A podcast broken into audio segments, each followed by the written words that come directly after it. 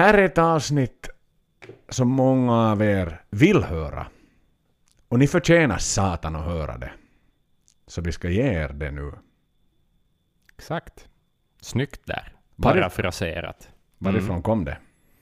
Nå, det kom från uh, Rock in Rio, just före Clansman. Nej nej, ursäkta då. mig. Trooper, Fear of the nej, Dark. nej, vilken, är en nej, hit. Axel. Okej, vi tar om det här nu. Vi tar om det här nu. Förlåt mig. Jag ger dig ett tips. Nej, vi är Okej. så ringrostiga, så att du är ursäktad, det här klipper vi ingenting. Men jag gör så här. Shakataka, shakataka, shakataka, tung, tung. Ja, just det. Det är ju just det. Den Ja, där, det är den där. den där där hitten av det här kända bandet Iron Maiden. Run Mm. to the Hills är det ju förstås. Exakt. Eh, det, är inte, sista låten på Rock in Rio. det är inte total eclipse. Nej. Nej, det är inte. Jag Ja, tänkte den var det ju. Jag tänkte fråga, jag- jag hade en helt annan typ av inledning egentligen. Så där jag, jag Okej. skulle vara liksom delusional och fråga så här. Mhm. Axel, är podden död? Är jag död? Är det här en dröm? Som jag är Mm. inne i just nu. Mm. För att ingenting har hänt. Nej, ingenting alls. Vi har inte gjort någonting på jättelänge. Nej. Jag tror Vad inte ens att fucking Senjutsu var utgiven sen vi satt och bandade senast. Nej, det var dagen före Senjutsu var det väl? Faktiskt. Jag tror det var det. It's Det var väl crazy, det. man. Med It's so Jonathan crazy. som gäst. Ja. Exakt. Och prata rodd i all sin ära liksom. ja. Och inte heller den här gången talar vi om Senjutsu. Det? Varför ska vi stressa? Varför gör det när det finns gamla bra grejer att snacka om? Exakt. Vi håller på att bli riktiga Maiden-fans. Man ska, jag gillar bara det som Allt är var gammalt. bättre förr. Ja, det är fan så det ska vara. Men Ja, i sedvanlig ordning här Brink, hur, hur står det till med dig? Vad har hänt du- sen sist? Ah, det känns som att ett liv har hänt. inte nej, vet jag. Eh, vad har hänt? Ehm, en flickvän har flyttat in och, och eh, Oj, oj, oj. allt möjligt. Ja, mycket, mycket saker. I, i, eh, jag har fått träffa mina kollegor igen, bara en sån sak. Samhället Ehm. har öppnat upp hemma också Ja, i Finland. så är det ju. Coronapasset kom hit och klubbades igenom i riksdagen. Och, nu, nu får man liksom vara ute på krog till, till fem på morgonen om man så vill. Har du Eh, varit det? Nej, nej, det har jag nog inte ännu. Eh, Jag tror det var, det var premiär för det idag, Jaha. faktiskt. Så att, eh, så att nej, jag har inte hunnit ännu. Jag gör mycket hellre det jag just gör nu, tror jag. Nå, speciellt med tanke på att det nu är så, så, så sällan och så, så liksom länge sedan nu. Ja, ja, ja. Nej, och jag ska ju villigt, ja, om jag bara villigt erkänna att anledningen till att hela det här skjuts upp är ju, så som jag lite avslöjade i sociala medier för er som följer oss där, så genomgår ju Maiden-podden i Stockholm Division, det vill säga Maidensklubben is no more, den har ju inte varit no more på en lång tid. Mm. Eh, Sen dess att jag flyttade ut så har jag ju provat sitta på lite olika ställen. Det har ju varit lite liksom vid vardagsrumsbordet, Barnyards, Aqua Barnyard Studios och, och liksom, men det har inte riktigt känts rätt. Så då, då Mm. fattade jag ett beslut här att okej nu, nu renoverar vi hela huset. Vi, liksom, vi behöver ha en new, new clean sheet helt enkelt. Och tog in dukt, duktiga byggare som har hållit på här i fyra veckor. De är ännu här, Mm. så de kommer att komma imorgon ännu.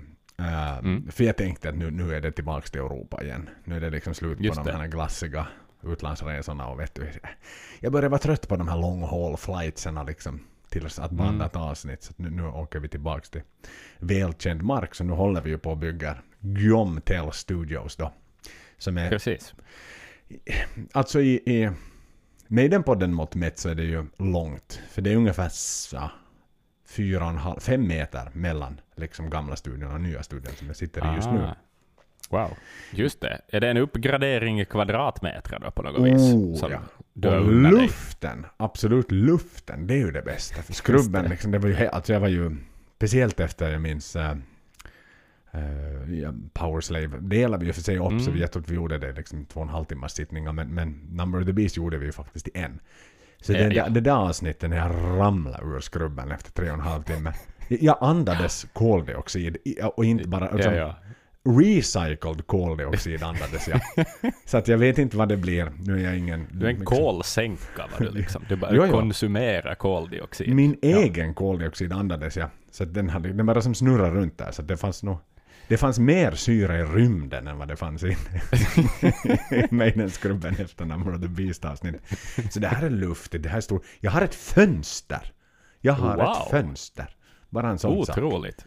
Det är nästan så att man tänker att en skrubb inte är meningen att leva i, så att säga. Att den är främst tänkt för förvaring av saker och föremål. No, i, man börjar fundera liksom, i sådana tankar. Mm. Man, man, man sitter och nu, nu har man liksom det högt i tak, jag har riktiga lampor i taket, jag har riktigt eluttag. Inte sån här vet du, långa skarvsladdar som man liksom går Precis. dörrglappet som jag själv har byggt med.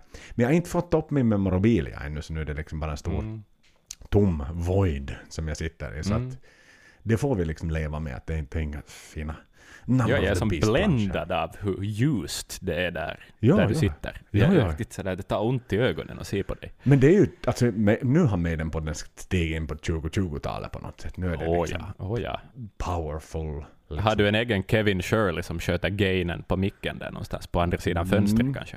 Det ja, ja, det, det, han, han är ledig En idag, men vacker dag. En Ja, ja. vacker dag ska vi ha det. jag försökte prata med en av byggubbarna men han var inte så intresserad. Att liksom? Do you know producent? Producent? Ja, nej. Stå fram sågen istället.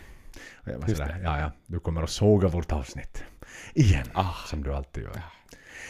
Så att det är ju anledningen till att vi har luggit lågt ett bra tag. Det har absolut inte att göra med att vi inte vill prata med den, för det vill vi ju alltid göra. Och, och vi kommer att prata med den idag vi kommer att... Och, vi kommer att suga på, på det avsnitt som många av er väntar på. Senjutsu. Mm. Men, men det kommer inte att komma ännu. Det kanske inte kommer som näst heller, men den kommer. Den kommer. Tids nog, tids nog. Och det Mm. har nog lyssnats mycket på den. Det har nog lyssnats mycket på den. Men, men idag Axel, idag är det någonting... Det här är ett speciellt avsnitt för oss två. Jo, jo, jo. Det här är, det här är ju liksom ett sånt där avsnitt som jag inte riktigt förstår varför vi inte gjorde före vi började lägga namnet bonus före våra avsnitt eh, egentligen. Men, eh, men alltså skål för den Skål. delen. Jag ser att du har en öl i handen. Jag har också. Eh, men det här är ju heligt alltså. Det här är ju det, det här är minst lika stort för mig som att tala om typ Powerslave eller någonting sånt. Att det, här är liksom, det finns få Maiden-produkter som jag har konsumerat lika mycket som den här vi kommer att tala om idag, tror jag. Mm. Och som Jo, har varit lika, som, som så viktiga i min fostran för det här bandet också. Så att, eh, Nej men ja, helt samma nej, det här är här. spännande. Helt samma här. Helt samma här. Det här var ju liksom den första, vad ska vi säga, invit till Maiden live för mig. Alltså Mm. visst det fanns live efter det. Det fanns liksom allt som utgivet såklart. Men för mig, och som vi har varit inne på så många gånger där jag tog upp stafettpinnen med Maiden var ju Brave New World. Mm. Och då var det någonstans så här, den här var i ropet då. Den här var liksom, den, den fanns i DVD-hyllan den fanns när man liksom som en nyhet i, i, i Mm. CD-hyllan också som en new release live. Så, där. så Just den det. var liksom aktuell på ett helt annat sätt än bara att du liksom tittar i archives och hittar Made in England liksom från 88 som, som någon har Mm. råkat beställa in sådär. Som gavs ut för så jätte, jätte, jätte, jätte många år sedan i jämförelse. Så, så det här, den här inramningen är ju, och, och det här är väl också, vad ska vi säga, den här har satt alla mina förväntningar när jag har sett Maiden live. Mm. För att jag hade nog inte... Nej, jag såg Rock Rio före jag såg Maiden live någon gång. Så att härifrån kommer mina förväntningar när jag då åkte till, till Hartwall Arena i Helsingfors för första gången. Och sen Mm. dess, ända, ända upp till idag, ända upp till senaste gången vi var i LA och såg dem på, på arenan där, så är ju någon, liksom, det som, det finns element från Rock in Rio som jag bara vill ha med. Speciellt liksom under Legacy of the Beast när det spelades liksom låtar då. Mm. Som också finns, samma låtar då som finns med här. Exakt. Så är ju min benchmark. Det är ju liksom, det är det där jag kan så bra, det är det där jag vill ha en gång till. Ja, ja, ja, ja. så är det. Då, alltså, då jag hör Clansman på liksom, Legacy of the Beast så är jag ju i Rio på något vis. Det, det är ju Mm. bara så det är. Då är jag en av de där som fastnar på bild på något vis viftandes med någon flagga som är så överexalterade, som vi ibland får se skymtar av på, på DVD-utgåvan av den här fina spelningen. Liksom. Att, så är det ju bara. Det är på något vis måttstocken för hur bandet är live och ännu i dessa dagar. Och nu är det ju 20 år sedan den här kom. Ja, Det är ju absurt. Jävlar. Alltså den här är... Men vad var det någon som sa att... Jag jag läste något citat någonstans att... Det var någon ungdom idag som, som I really Mm. like classic rock. Och så, så Just var det det. ah, lovely liksom, what kind of classic rock? Weezer. Precis. Så, så den här, Ja, alltså för kidsen idag, det här är classic rock liksom. Det här är, det här är, jo, jo, det här är en klassisk det spel. här är made Det här är in liksom- Japan Deep Purple Ja, för ja. kidsen idag på något sätt. Ja, ja, så är det. Det är en gammal rockspelning liksom. Ja. Ja, ja det är ju helt med sinnessjukt 18 egentligen. kameror, eller vad det nu var inspelat med, så det är ju liksom inte heller... Ja, det, det är ju nog liksom... Det var ju en rejäl satsning i alla fall, fast det är en gammal rockspelning på något vis, Mm. men det är nog...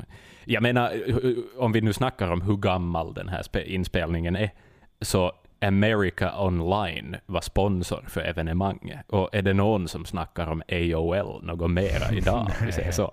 Det gör man inte. Och, och tänk bara i perspektiv. Twin Towers stod kvar när den här spelningen gick av stapeln. Ja, jävlar, det är fan sant det. Så det har ju Ha. hänt en del sen dess. Det har hänt massor. Så att Oh. uh, Rock in Rio, även om det för mig är som att den skulle vara liksom inspelad från förra turnén. Mm. Men, men uh, nej, det är en mastig, mastig jävla grej. Jag tänkte vi skulle förstås liksom förhålla oss till, till, till, till musiken och låtarna och det här är, är väl kanske, och jag vill nästan nu gå ut redan liksom nu, jag pratar om våra Mm. förväntningar kring den här, men det här är nog min eh, det här är nog, nog min Long Beach Arena. Liksom den Mm. sån här live-konserten jag faktiskt värderar högre än Live After Death. Ja. Jo, jo, jo, jo. Nu är det ju så, inte har den ju ett omslag av, av liksom Derek Riggs eller något sånt, men jag har konsumerat den här mer än vad jag har gjort live after death. Men om vi, Eh, jag vänder på frågan sådär. Axel. Du ska bo i en Mm. brunn resten av ditt liv. Du får ha med en bärbar DVD-spelare och en DVD. Och, och, av två, och då får du välja mellan bara två. Så du får inte med någon Ja. film eller något annat. Nej, nej, nej, okej. Fa- Bildspel på familj och sånt. Utan Mm. du får ta med Live After Death eller du får ta med Rock in Rio. Ner i brunnen. Och det är det enda Hör du du- ska ha tills du dör. Om vi strikt snackar om att jag vill ha mera content för pengarna, men, men nog också annars, så då väljer jag nog Rock in Rio, för då får jag ju A Day in the Life-reportagen, jag får eh, Ross Halfins fina fotografier, tror jag finns med där. Just en stillbilds. En- Sånt som man hade på DVDn förr. liksom. Ja. En sån här Precis. multimedia slideshow på DVD. Ja. Och där finns ju hur mycket fint som helst, så att bara, och, och spelningen i sig är ju längre också. Mm. Så att eh, mer musik för pengarna. Och nu, nu, okej, nu, ja, visst, jag rabblar upp så strikt rationella anledningar, men nu ska jag också säga att jag, det är en modernare inspelning. Den är, den är liksom... De är, det är i slutet av en turné, de är otroligt samspelta och liksom allting Men det var ju är Long väldigt bra också. med Den tog ju aldrig slut, den turnén såklart. sant, sant, sant. Ja, men, men, nej, men det här är ju nog... Jag var aldrig med på tiden då Long Beach Arena-kejkan skedde. Mm. Men, men jag kan liksom ha en, Jag var med en stund efter att det här hände. Ja. Har jag sitt med den. Så jag har liksom sitt med den i samma form. Och, och därför är det... Det här är det Maiden jag är van med Mm. på något vis. Och, och, så därför tar jag nog den. Den den är liksom viktigare på något vis. Ja, I min relation till Maiden på något sätt. Nej men så är det för mig också. Och någonstans jag hade en kompis, Ricke Fant, jag tror att vi har varit inne på hon, hans namn någon gång, i något gammalt avsnitt. Var det han som snodde texten till någon hissalektion? Exakt! I Fear, Fear. Dark-avsnittet. Det var ju exakt, Ja. det var han som snodde Afraid to Shoot Strangers, översatte den till svenska och vann hela jävla tävlingen. Tack Steve Harris. Ja. Men hur som han var, han, han, hade, han gillade två saker i livet. Han bodde i lägenhet själv, jag bodde hos mamma och pappa i gymnasiet. Men han, han hade Mm. flyttat från, från Malax, som är en liten Mm. ort utanför Vasa, liksom på landsbygden då, för att gå i, gå i, gå i storstan i, i gymnasium och spela hockey och så vidare. Men han gillar två saker. Han gillar tv-serien Friends och han gillar Maiden. Okej. Och han hade en sån här, den här deluxe-utgåvan av Rock in Rio. Vi, vi hade en sån, den här plastutgåvan. Vi, Ja, exakt. men, Den vanliga. men han hade en sån här i, i kartong, som det heter i Sverige. Paff, skulle man säga i Finland. Som man liksom sån här drog ut och sen när man öppnade den här, liksom, heter det gatefold, tror jag det heter idag. Mm. Så kom liksom den här själva scenen upp och himlen liksom sen utklippt Wow. liksom. Så det blev som en sån här... Nej men vad heter sådana böcker som man har som barn, du vet när det Ja, liksom, Sådana gamla barnböcker. Exakt, där det liksom kommer poppar upp något ur sidorna, det blir som 3D. Mm. Och han hade en sån där och jag tyckte wow, oh, fan vad det här är coolt. Och, och vi har nog sett den så oerhört många gånger, den här DVDn hos honom. Det var nästan så att Mm. man gick efter skolan till honom bara för att se på Rock Rio. Ska vi inte få Mm. hem till det och se på Rock Rio? Och jag drack inte kaffe på den tiden, man drack ett glas vatten och tittade på Mhm. Rock Rio. Och sen köpte du den här. Jag har Ja. aldrig ägt den här. Utan Nej, blev du har fortfarande, tror jag, mitt exemplar av... det den har här. jag. Det har jag. Ja. Eh, Jag höll på att vifta med det i handen, men, men, men det enda jag kan vifta med är en gammal klassiker. Minns du den ah, här? just det, den där eh, bäst, den där eh, om, ja, det. Joel har i handen alltså är om, en dokumentär om Number of the Beast. Classic Albums. Classic. Albums-grejen, ja. Mm. Det, det var det enda jag hade han packa upp så att säga i, i nya Maidensklubben. Guillaume Ja, Tells-klubben. Men hur som haver då, så, så, och det var ju också, Brave New World var en, var en vi hade oftast för, ofta, eller ofta hade vi förfest hemma hos oss när föräldrarna var på sommarstugan. Mm. Så satt vi och samlades och man var vi nog kanske 18, 17 eventuellt.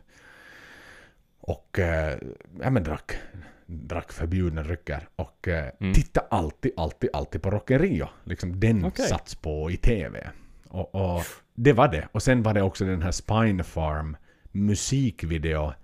De gav ut någon sån här tidig musikvideo-DVD med typ Sonat Arctica. Wolf and Raven, Children of Bodom skulle ha varit den här Mm. eh, Every Time I Die. Och sen fanns där någon sån här, vad hette de? Just det, jag minns den där Every Time I Die. Det är någon typ utklädd till en reaper som vandrar omkring bland något träd. Jättelåg Ja. budget. Jätte, ja, jag ja. minns. Ja. Precis som Wolf and Raven också är med några hundar som Mm. springer runt där som ska vara låtsasvargar. Ja. Och sådär som springer runt i något hus. Och sen fanns det en massa andra. Det fanns det här... Vad fan hette den här, det här bandet? Då glömde jag bort dem. Han sjöng med äh, jättestor mu- öppen mun. Vi tyckte alltid att han... Han såg så obehaglig ut när han såg. Han såg ut som att han skulle äta upp en hel glass liksom när han sjöng. Alla tyckte. "Yeah, han gapar för stort, han gapar för stort. Okej. Vad fan hette de? De hade någon cover på, på någon sån här gammal 80-tals dänga. Vad i helvete hette de? Nu måste jag, jag måste nästan undersöka Du får för nu har jag googla. liksom gett våra lyssnare en- invit. Eh, Mm. De hade en cover på den där...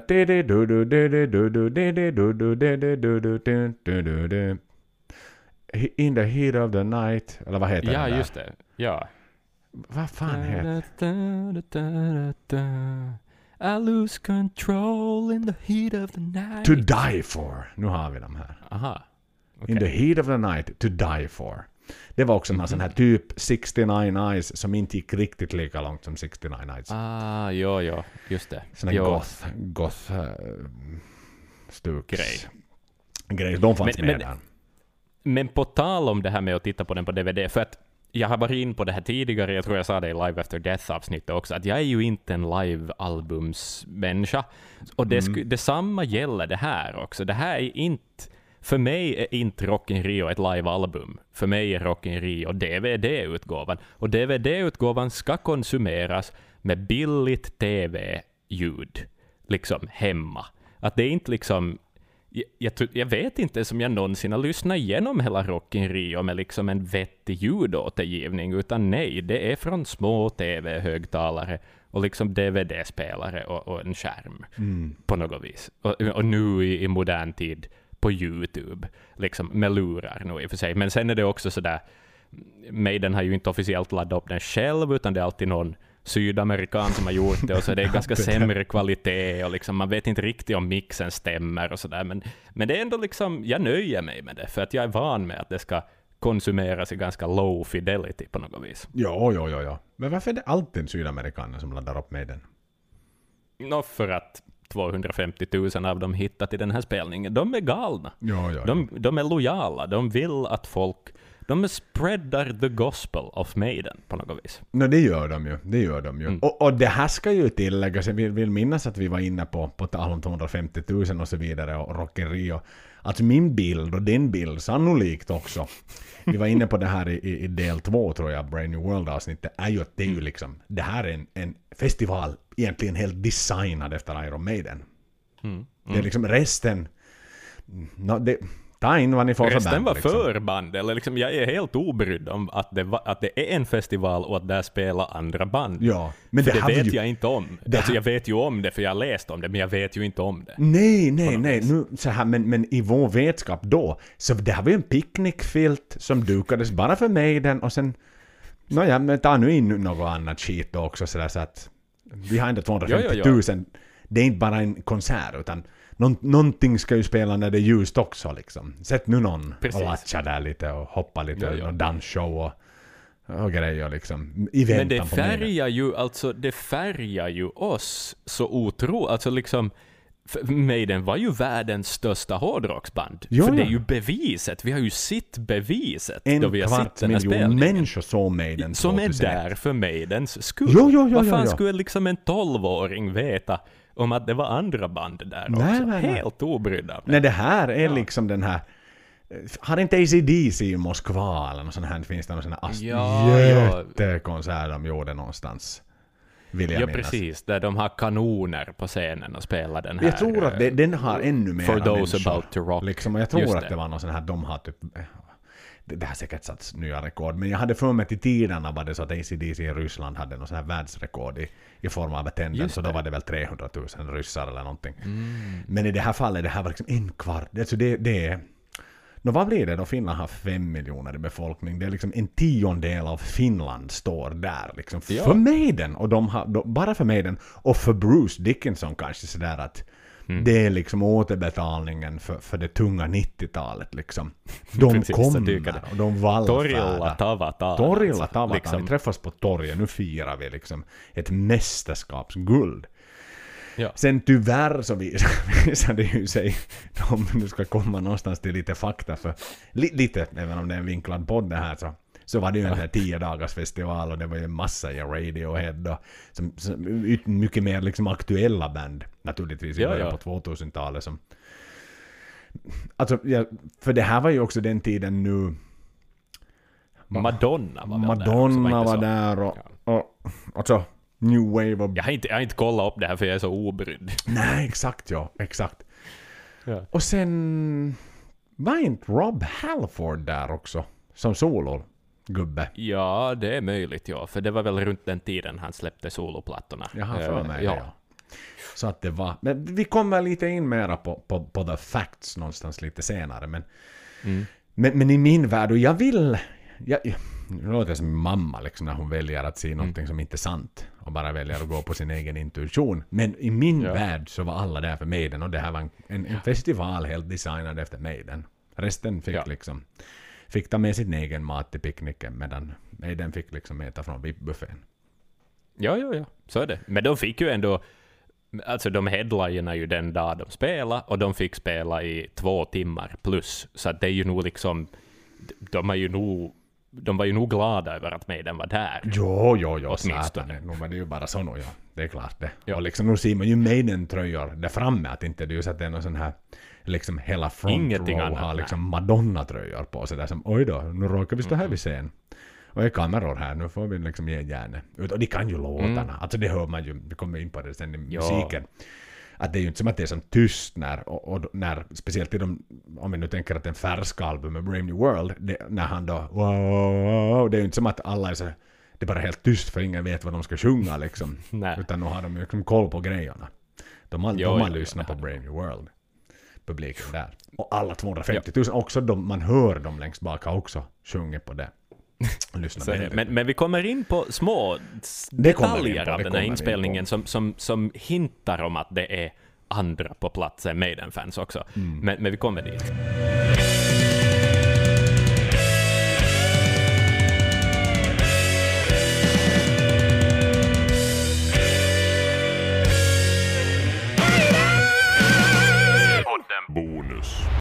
Men jag tänker så här till en början, nu så här för att starta igång det här, det, det, det är ett albumavsnitt ska vi nu ändå liksom tillåta oss själva att kalla det för, för det är ett livealbum. Jag vill börja lite, vad ska vi säga, o, inte okristligt utan unorthodoxt heter det väl så här, icke-ortodoxt. Och börja med en recension som jag tänker att jag läser upp och så tar vi, vi tar den i chunks. Eh, Okej. Det fanns en kille som hette Brian O'Neill som skrev för någon One, vad hette nu den, någon Music for All eller One, one Rock eller whatever den nu hette. All, all Music finns det någonting All också Music heter. hette den exakt. Huvud på spiken där. Så, så Brian O'Neill, han har minsann tittat på, på musik-DVDn, han rockeri och han har liksom fått utrymme, spaltmeter och, och recensera mig den. Så jag tänker att vi, tar, vi, vi, vi, vi ser vad han säger och så tar vi det med oss. Okej. Eh, jag läser på engelska, sen får vi naturligtvis då diskutera på svenska. Men, men om vi börjar så här. With the reunion, studio disc, Brave New World failing to recapitate the imagination and intensity of Iron Maiden in America, and even in many places in the band's European homeland. Going to Brazil seemed like a smart move. Mm. Okej. Så vad han säger här är att jänkarna, européerna, äh, de är inte så jävla kåta på Brain New World. Mm. Nej. Vet du, det, det, det där fingret där, mitten av handen sådär. Mm. Börja. Lite, lite smyger sig uppåt. Smyger sig ja. lite uppåt, Brian.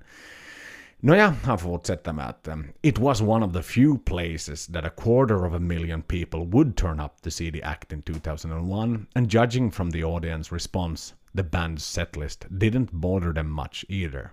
At times, you had to be wondering what they were listening to. Mm, mhm. Brian fucking O'Neill. Det, är, det här kan... Okej, jag är orolig. Men Sure. det är bara inledningen ännu. Sure, the band's energy is in abundance here. It's hard to mail in a performance in front of so many people who seem to scream at every single move the band makes. But an entire disc's worth of material of the two here is wasted.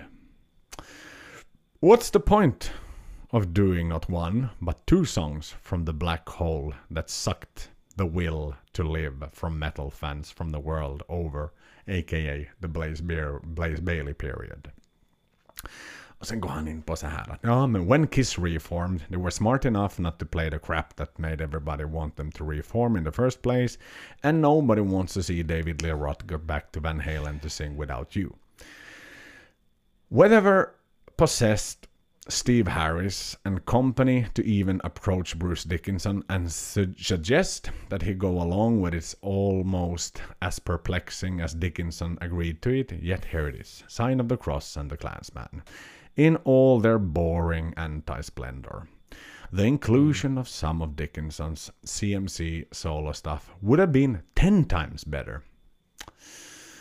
Nåja, not as unexpected, but only slightly less dismal. It's the inclusion of six tracks from the aforementioned Brave New World, mm. which was neither brave or new. Jaha. There might be one good song between the sextet that was presented if you look real hard. Hmm. Och sen ba, ba, ba, ba, ba, sen hyllar han att de Jaha. spelar. Sen hyllar han att de spelar liksom bra låt, liksom lite Gamla goda Beast på slutet. Och sen at the end of the day, Rock and Rio won't make your wish you, you won't make you wish you were there.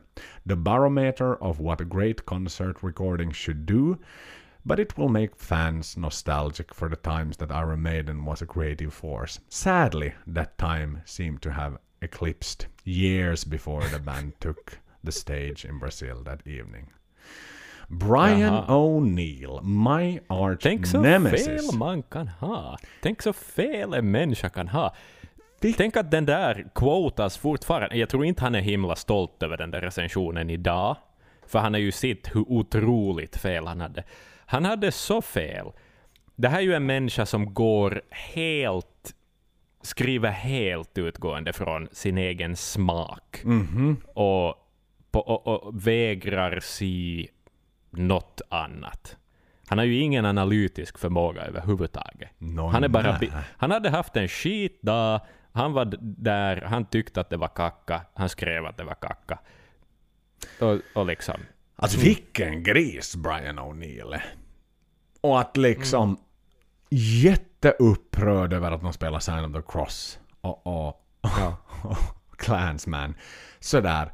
Oj då. Nej men de hade ju ing, Det är ju som att det var ett fatalt misstag. Maiden vill ju aldrig mera lyfta upp de två låtarna sådär i efterhand. Oj då. Nej. Det är kanske mest fan favorite som det kan bli i dagsläget liksom av, av live epics. Och, och att han liksom dissar publiken också. Det har jag Ja. enorma svårigheter med.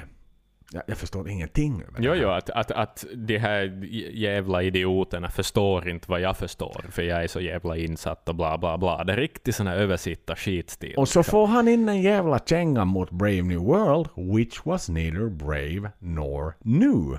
Nähä. Ja, men vad fan jämför han det med då? Vad, vad har Mukamas Maiden gjort för det som lät exakt som det här? Ja, vad, har, vad i helvete är det som låter som Brave New World som Maiden har gjort fram till 2000? Inte finns det ju Mm. någonting som låter så. Nej.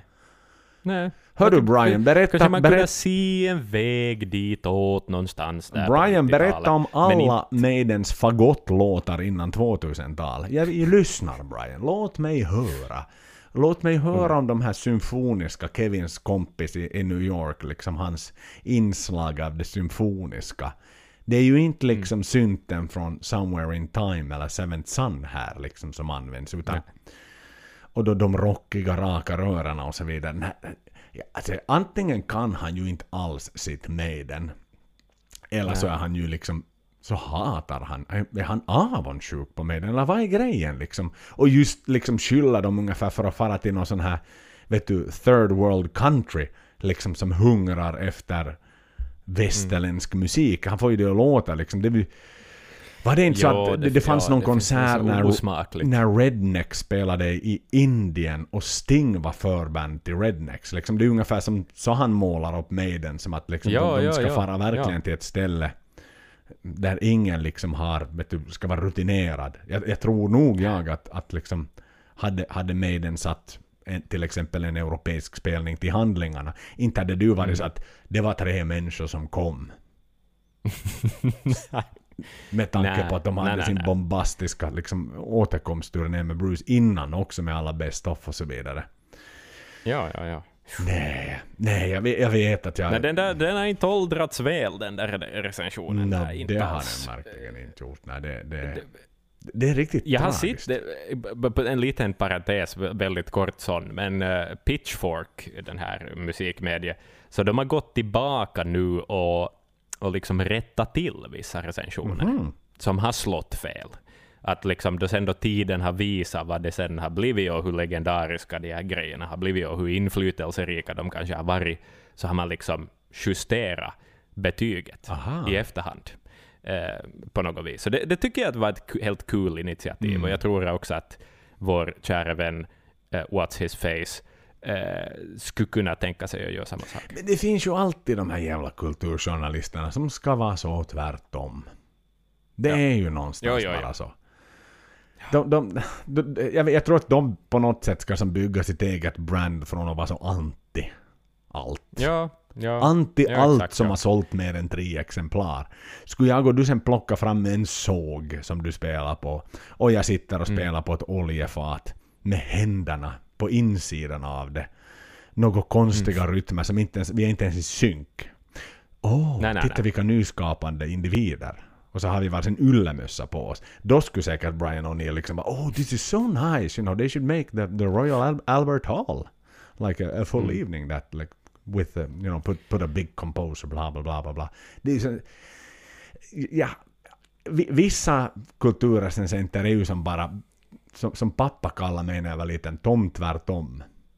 Mm. De ska Ja, som precis. bara vara som sådär, ja men jag, jag förstår kultur lite mer än vad alla andra förstår. Jag, jag är inte som så mainstream, utan jag- vill sitta Mm. Inte och... tillräckligt bra för att kunna åstadkomma något bra kultur själv, men Nej, jag kan skriva nej, nej. om det. Men, men, Ja. men då är det sådär att hade jag satt en GoPro och filma en stubbe i skogen från samma vinkel i tre timmar. Det hade liksom, oh look at this, det här är som kreativ konst. Liksom, titta, wow. Mm. Det, det kommer myra där vid en timme 40 minuter som klättrar upp för stubben. Och en, en fjäril landade strax innan filmen tog slut på den här stubben. Då är det liksom, åh det är så jävla bra. Medan det egentligen bara är Ja. skit. Ja. ja.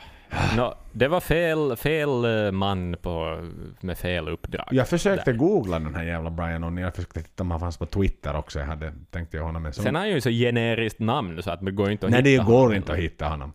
För när jag skulle börja titta det- på någon pretty sån liksom, Brian O'Neill ja. Music uh, Journalist, och så kom det en massa artister som heter Brian O'Neill och sådär. Nej, förstås. Ja. Nåja, nu lämnar vi sopan Brian O'Neill bakom oss. Han har hoppeligen ingenting med Maiden att göra någonsin. Men i alla fall, 19 januari 2001, det var ju då som, som allt gick av stapeln.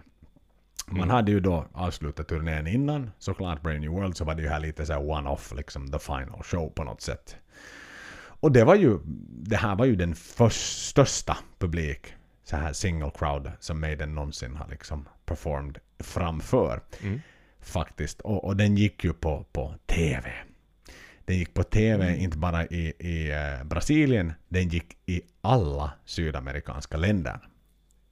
Wow. Så det är lite som uh, Göteborg 2004, liksom. I miniatyr i Norden, ja. Mm. Men du tänker att bor något fler Ja, liksom på kontinenten Ja, Sydamerika än i Norden.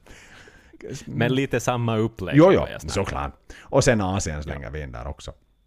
Ah, Så att eh, en miljard människor hade möjlighet att se konserten. Sådär. just det.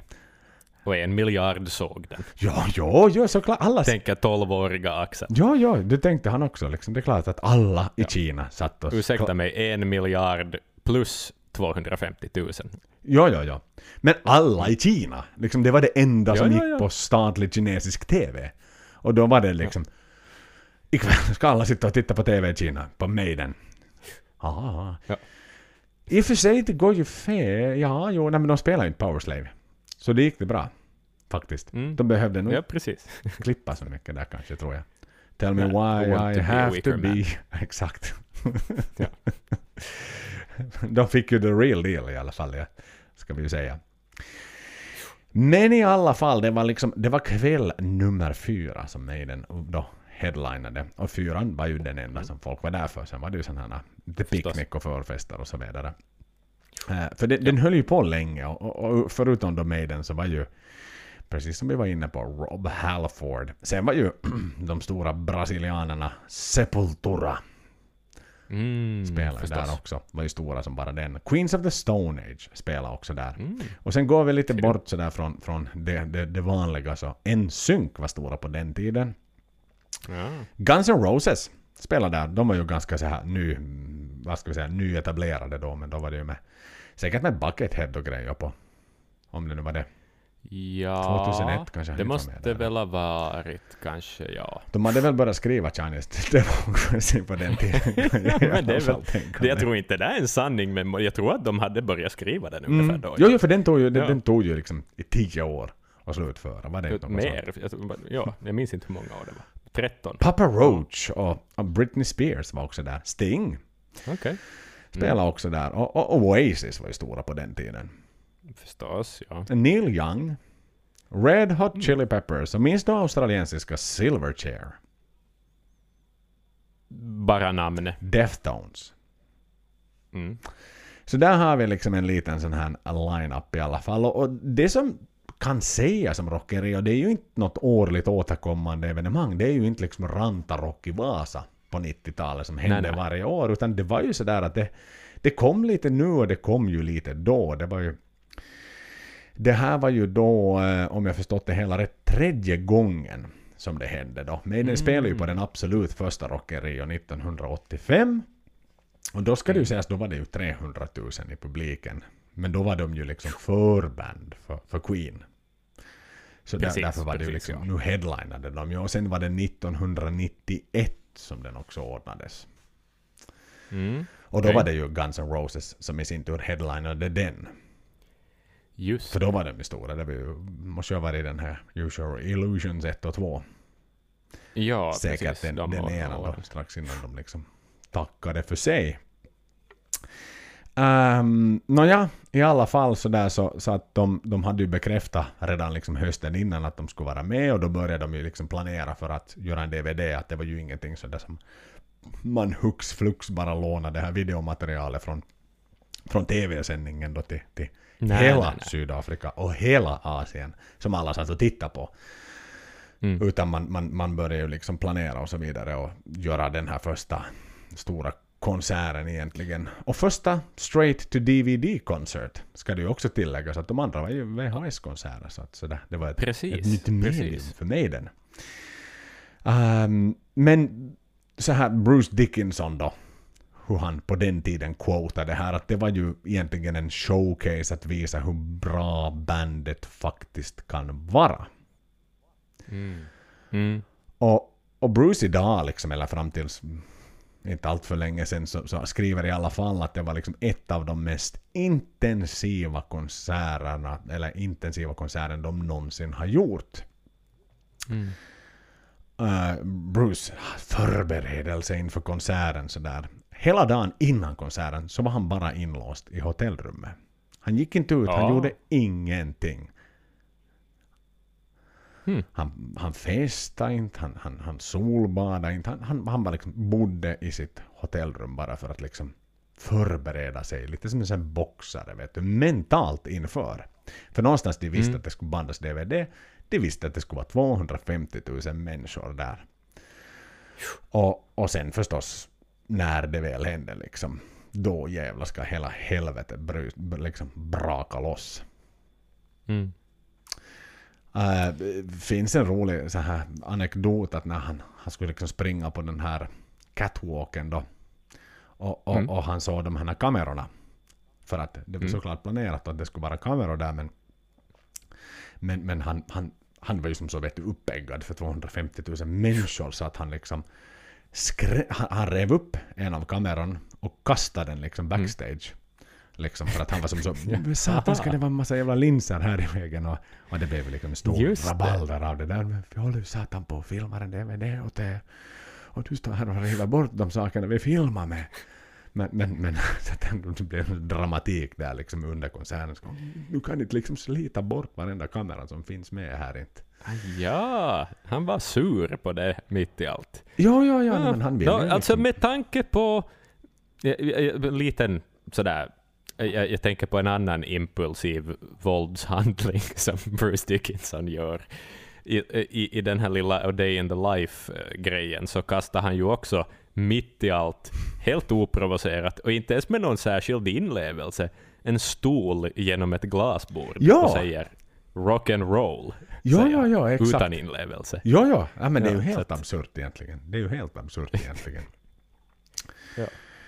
Ja men det var ju liksom, alltså de hypar ju upp det här som, som bara den liksom och, och hela bandet är ju liksom helt sådär att, att extas efter den här konserten, att vanligtvis sådär har man några öl efter en sång, efter en konsert, vet du, är sådär, ja, Mm. bra, bra konsert ikväll liksom. Men alla var liksom helt nästan så här katatoniska efter den där konserten. Det var ingen som orkade festa, ingen orkade göra någonting, utan alla var liksom helt sådär Jesus Christ, liksom. Mm. Det här blir ingenting. Nej men yes, så, som vi ju vet någonstans att, att från den här eh, DVDn, du vet när de flyger in. Mm. I'm shitting myself, eller vad det De står och pratar om att de, de bajsar på sig. Och liksom det hade ju hypats upp så det kommer en jättestor liksom publik där och sådär. Men, men det är Mm. jättesvårt att veta om det är 100 000 eller 250 000. Liksom. Det är ju som, det är bara ett hav som kokar av människor som är där. Och, och för, för Jannik då, han är ju inte liksom, han var inte med på, på det glada 80-talet när de spelar för så stora publiker. Och, och det här, han, han, han, no, han hade ju liksom, var ju nervös och sådär och när han då skulle gå, gå upp på scen så var Jimmy Page på plats. Och liksom stod, jävlar. stod i kulisserna bredvid, just på, på Janiks sida då, liksom, det blir högra sidan Mm. av scen. Så stod han i kulisserna liksom och tittade på.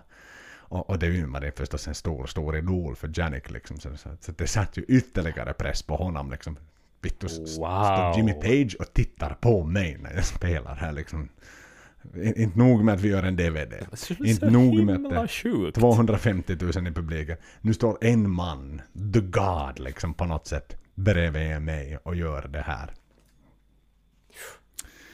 Herregud. Jo, jo, men då spelar man ju bara för Jimmy Page. Jo, jo. Det är ju det enda man Så nu, tänker nu på har vi ju lärt oss längre. något nytt. Varför är Janik Ja. on fire i Rio? Jo, för att Jimmy Page Mm. står där i fladdrande liksom tygerna, textilerna och tittar på honom. Sjukt. Nej, det är, spännande. Det är spännande. Ehm, vad har vi mer att säga om den här konserten då? Ja, Nico i sin tur har ju ett minne av det här också att under konserten, Mm. Adrian är ju ny såklart. Och, och Adrian vänder sig runt och berättar åt Nico vid något skede när det är säkert någon publikapplåd eller Bruce har någonting att säga. Och han sa så här att, vet du vad? Mm. Det känns bara som att jag skulle varit på en kort semester från Maiden. Mm. Och, och liksom det gjorde, Nico berättade, det, liksom, det gjorde hans dag på något sätt. Att det är som så ah, äntligen är liksom cirkeln sluten igen. Att liksom, Ja. han är hemma. Han är hemma i sitt Maiden. Och, och är Mm. liksom, Vad fint. mm. Han var inte, han hade aldrig slutat. Han har bara tagit en liten semester på, på några, ett, de, vad heter det, decade från Maiden. Decennium, Mm. ja. Precis. Ja. Tänk vad mycket känslor i luften, ja. Ja. Verkligen, verkligen. Och, och, och, och nåja, nu, nu är det ju DVD, nu är det musik vi ska prata om och, och den kom ju då ett år senare, i februari 2002, gavs ju liksom det här miraklet ut. Och eh, Mm. så det, det var ju techie, det var 5.1 ljud. Sånt fanns möjligt då, det skulle liksom inte snålas på det där. En 19 Nej. låtar. Det var 12 kameror som man, Mm. man då hade bokat. Men eh, Just det. det visade sig att två kameror inte kom med när de skulle börja klippa det här. Mhm. Aha, det var något fel. Det var något fel Just och det. där var det jättemycket Dave Murray-kameror som var borta. Så egentligen alla kameror, shots på Dave, var borta.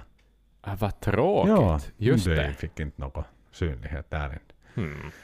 Nej. Um, en hel del solon på Adrian Smith också, som är borta. Som det inte finns filmmaterial det, just det, på. just det. Aha. Okej. Nej men det kanske förklarar lite vissa grejer. Mm. Nog. Och Kevin, Kevin har ju mixat liksom ljudet. Men då skulle de ju ha någon sån här Mm. rendezvous med Steve och Kevin i New York för det här editing company. Som då hade Mm. klippt hela, eh, hela skiten. Och så här titta på några här final edits. Och, och Mm. de var skit. De var riktigt från röven de här final edits. Mhm. Och ehm, Okej. då var det ju så här, nej men vad fan. Det här kan vi ju liksom inte använda. Och så, vad i helvete har ni gjort här nu? Era jävla New York-klippare. Ni är sopor. Nå, Okej. vad händer? Vad händer då? Vad tror du händer då? Om det är skit. Om det är skit. vad ehm, gör Steve Harris då? Nej, han gör väl det han alltid gör. Han, han är kontrollfreaken och eh, axlar antagligen jobbet själv. Jajamän. Har jag fel i det? Han gör det. Såklart. Så den här är också editerad av Steve? Jaja, men inte För det hade tänkt. jag inte trott. Men inte tänkt. Jag hade trott att det var någon annan. Ja, det. De hade ju, för grejen var att Steve ville ju egentligen outsourca det på någon annan, för han hade klippt 88. Han hade klippt den här 91 Mm. på Donington. Och, och var sådär, "Nej, jag vill ha några nya kreativa ögon som skulle klippa med den. Eh, så det var hela Mm. poängen, liksom, att man out, outsourcar editing på den här. Men sen var det så skit, så, så då var det nog... Och, och sen var han som så slutkörd också, han hade velat ha semester och sådär. Mm. Att han, han började bli till åren närmare 50 vid den här åldern, liksom, att inte orkar han gå och gräva ner sig något mera i en editing room och han är inte lika taggad på det. Nej. Men då var det liksom någonstans goda råd dyra. Att Mm. det här var inte bra, Kevin tyckte inte heller att det var bra att han fick liksom medhåll. Om vi nu ska ge ut det här på Just det. 5.1 och stor liksom, det ska vara en grandios release liksom. Det var, hade varit ett bra tag sen. Det är två år sedan Brave New World har kommit ut nästan. Så att sådär, nu Mm. behöver Maiden vara relevanta igen och inte kan vi ju ge ut någon sån här bootleg, slentrianskt skit utan Så då fick han börja klippa igen och han köpte ju in alla liksom state of the art dyraste grejerna till sin gamla Barnyard Studio då. Och liksom det fick Mm. än en gång bli ett editing room. Eh, som det var då. Men, men han gjorde ju Men det. tänk vilket jävla jobb att ta sig. Vet du, som du har gjort en världsturné, det är färdigt, du har hyrt in, liksom, du, har betalat för att någon annan ska göra det Professionell jobbet. byrå. Och så måste du sätta dig ner med råmaterial från Mm. tio kameror och en två timmars keikka och liksom börja tugga i dig det där projektet. Fy fan! Och solo, det är ju ingenting du gör i sällskap av någon, utan du sitter ju ensam där och stirrar på dina jävla skärmar. Jo, jo, jo. Vilken jävla... Alltså han är ju en... en han är en sån arbetshäst. Jo, jo, men han Det är ju liksom, otroligt. han är ju musikens Elon Musk på något sätt. Jo, jo, jo. Han, han- vet du, whatever it takes liksom. Han är Reidar Dahlén av musiken liksom. vet du om, no, det, det ska göras. Show must go on liksom, inte det. Det här var inte bra, jag täcks inte ge ut det här till den publik som vi ändå har. Utan jag, jag vill liksom sätta vår den här seal of excellence på, på produkten. Och, och jag tror att no, jag måste nu göra det bättre. Och det är klart att liksom sen 91 så har ju liksom eh, mjukvaror och så vidare uppdaterats. Så inte har han väl säkert suttit och gjort så där, klippt så där jävla många familjevideon liksom. Vet du, i, i den senaste mjukvaran som ändå ska användas för kommersiellt bruk. Så Mm. det är klart han fick väl börja från scratch liksom. Hur fungerar Final Cut? Ja. Eller Final Cut Pro liksom i ja, ja, verkligheten. och sådär. Ja, man gör lite så här och så gör man lite så här. Högerklicka, eh, välj cut. för, för det är ju inga lite klipp heller, det är ju 8000 klipp Nej. som den här, som Så den här just det. DVDn har. Jo, jo. Men det är ju inte nära på den här epileptiska upplevelsen av Death on the Nej, Road. det är ju- det här är ju ändå... Nu kan vi ju relatera, om den här har 8000 klipp, så måste ju den ha 24 000 klipp. Åtminstone. Minstone. Jo, jo. Det skulle vara kul att räkna Ja. edits på Death on the Road som vi gick igenom. Nej men, den, Ja, men där är det- han ju... Och där är han väl inte riktigt lika motiverad för då har Maiden skjutsat ut album nummer Mm. två så att säga i Maiden 2.0.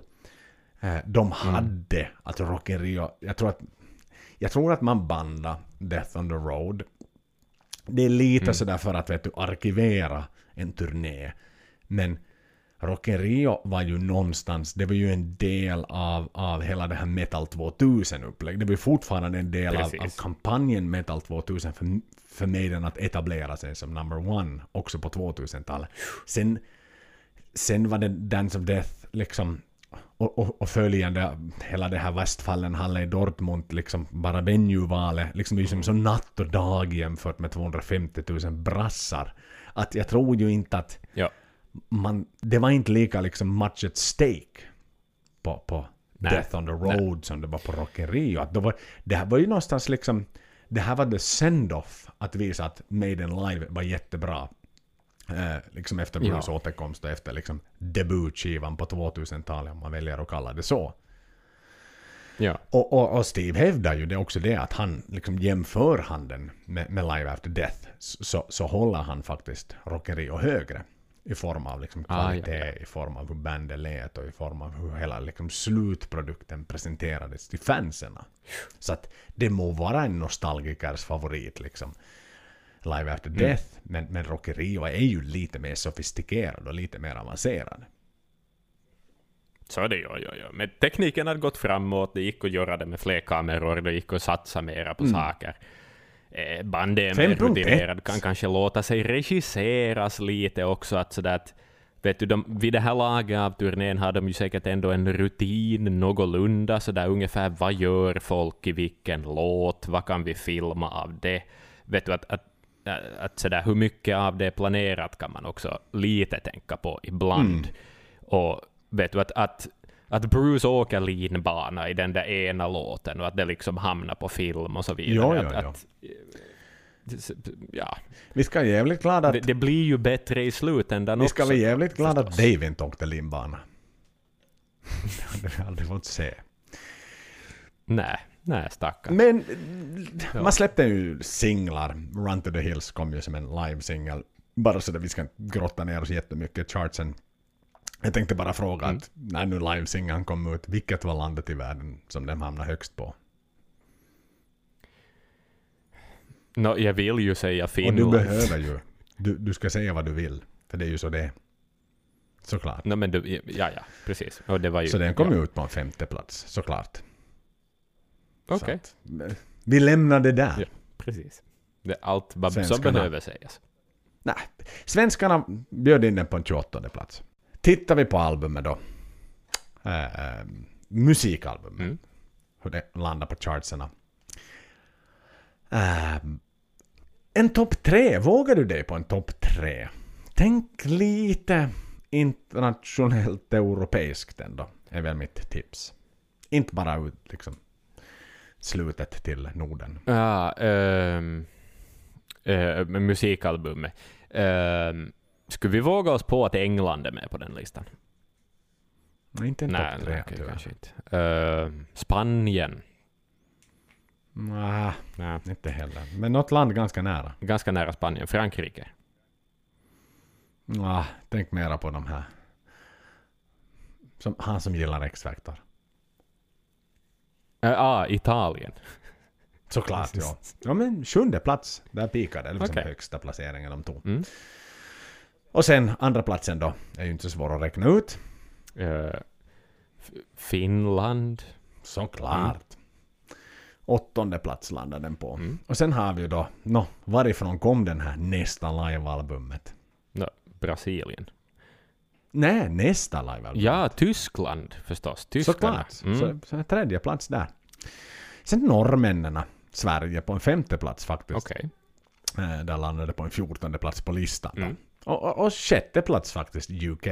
Rätt som är roligt här om man tittar på hela listan så, så finns ju inte ens Brasilien med på listan. Ah, Trots att 250 000 människor står de live. Men var det sådär, no, inte behöver jag, nu hör det hända mer inte. Ja, så är det väl kanske med, jag, jag tänker också hur, hur, hur, hur många av de där Maiden-tröjorna i publiken tror du är, är liksom uh, licensed merchandise, om vi säger så.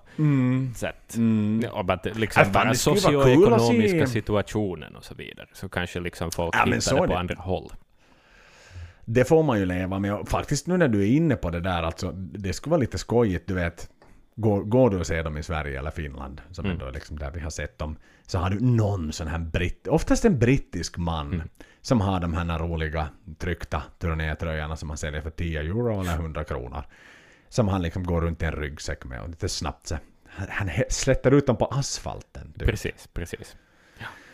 Men hu- om du tänker sådär i Brasilien, liksom, det måste ju vara en hel basar liksom, av, av sådana försäljare liksom, innan du kommer in på, på venuen Ja, som ja, bara ja. säljer liksom, fuffens tryckta med den tröjan, med den senaste och rätta turnédatum och så vidare. Mm. Så att ja, licensing och, och hela det där med att köpa album är väl kanske inte... Men samtidigt, det här var innan streamingtiden också. Ja. Och, och du tänker väl ändå att... Nej men...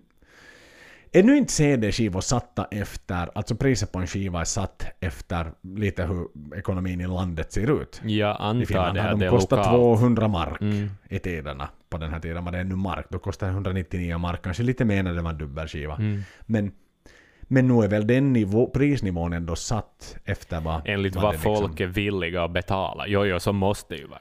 Det, det måste För annars säljer du ju ingenting. några i, liksom i i- fattigare i min- länder. Liksom. Nej, nej, så är det ju. Nej, utan nu, nu är det liksom ett fluktuerande. För jag menar kostnaden för en CD-skiva i sig är ju ingenting. Nej, nej, det är en bit av plast. Alltså produktionen Ja, av en CD-skiva är ju nästan noll. Ja. Det vet jag faktiskt av erfarenhet. För min nuvarande arbetsgivare tillverkade CD-skivor innan. Jag Mm. tror att det var någon sån här 0,00 dollar cent för tillverkningskostnaden för en CD-skiva. Det är liksom helt ridiculous. Det är en Precis. liten bit plast. Ett plektrum, plektrum kostar säkert mer. Jo, jo, men det var ju alltså i liksom. slutet av, precis före piratismen kom, eh, då vinylskivan var död och, och sedan regerade, så eh, musikindustrin har ju aldrig dragit in så mycket pengar som den gjorde då.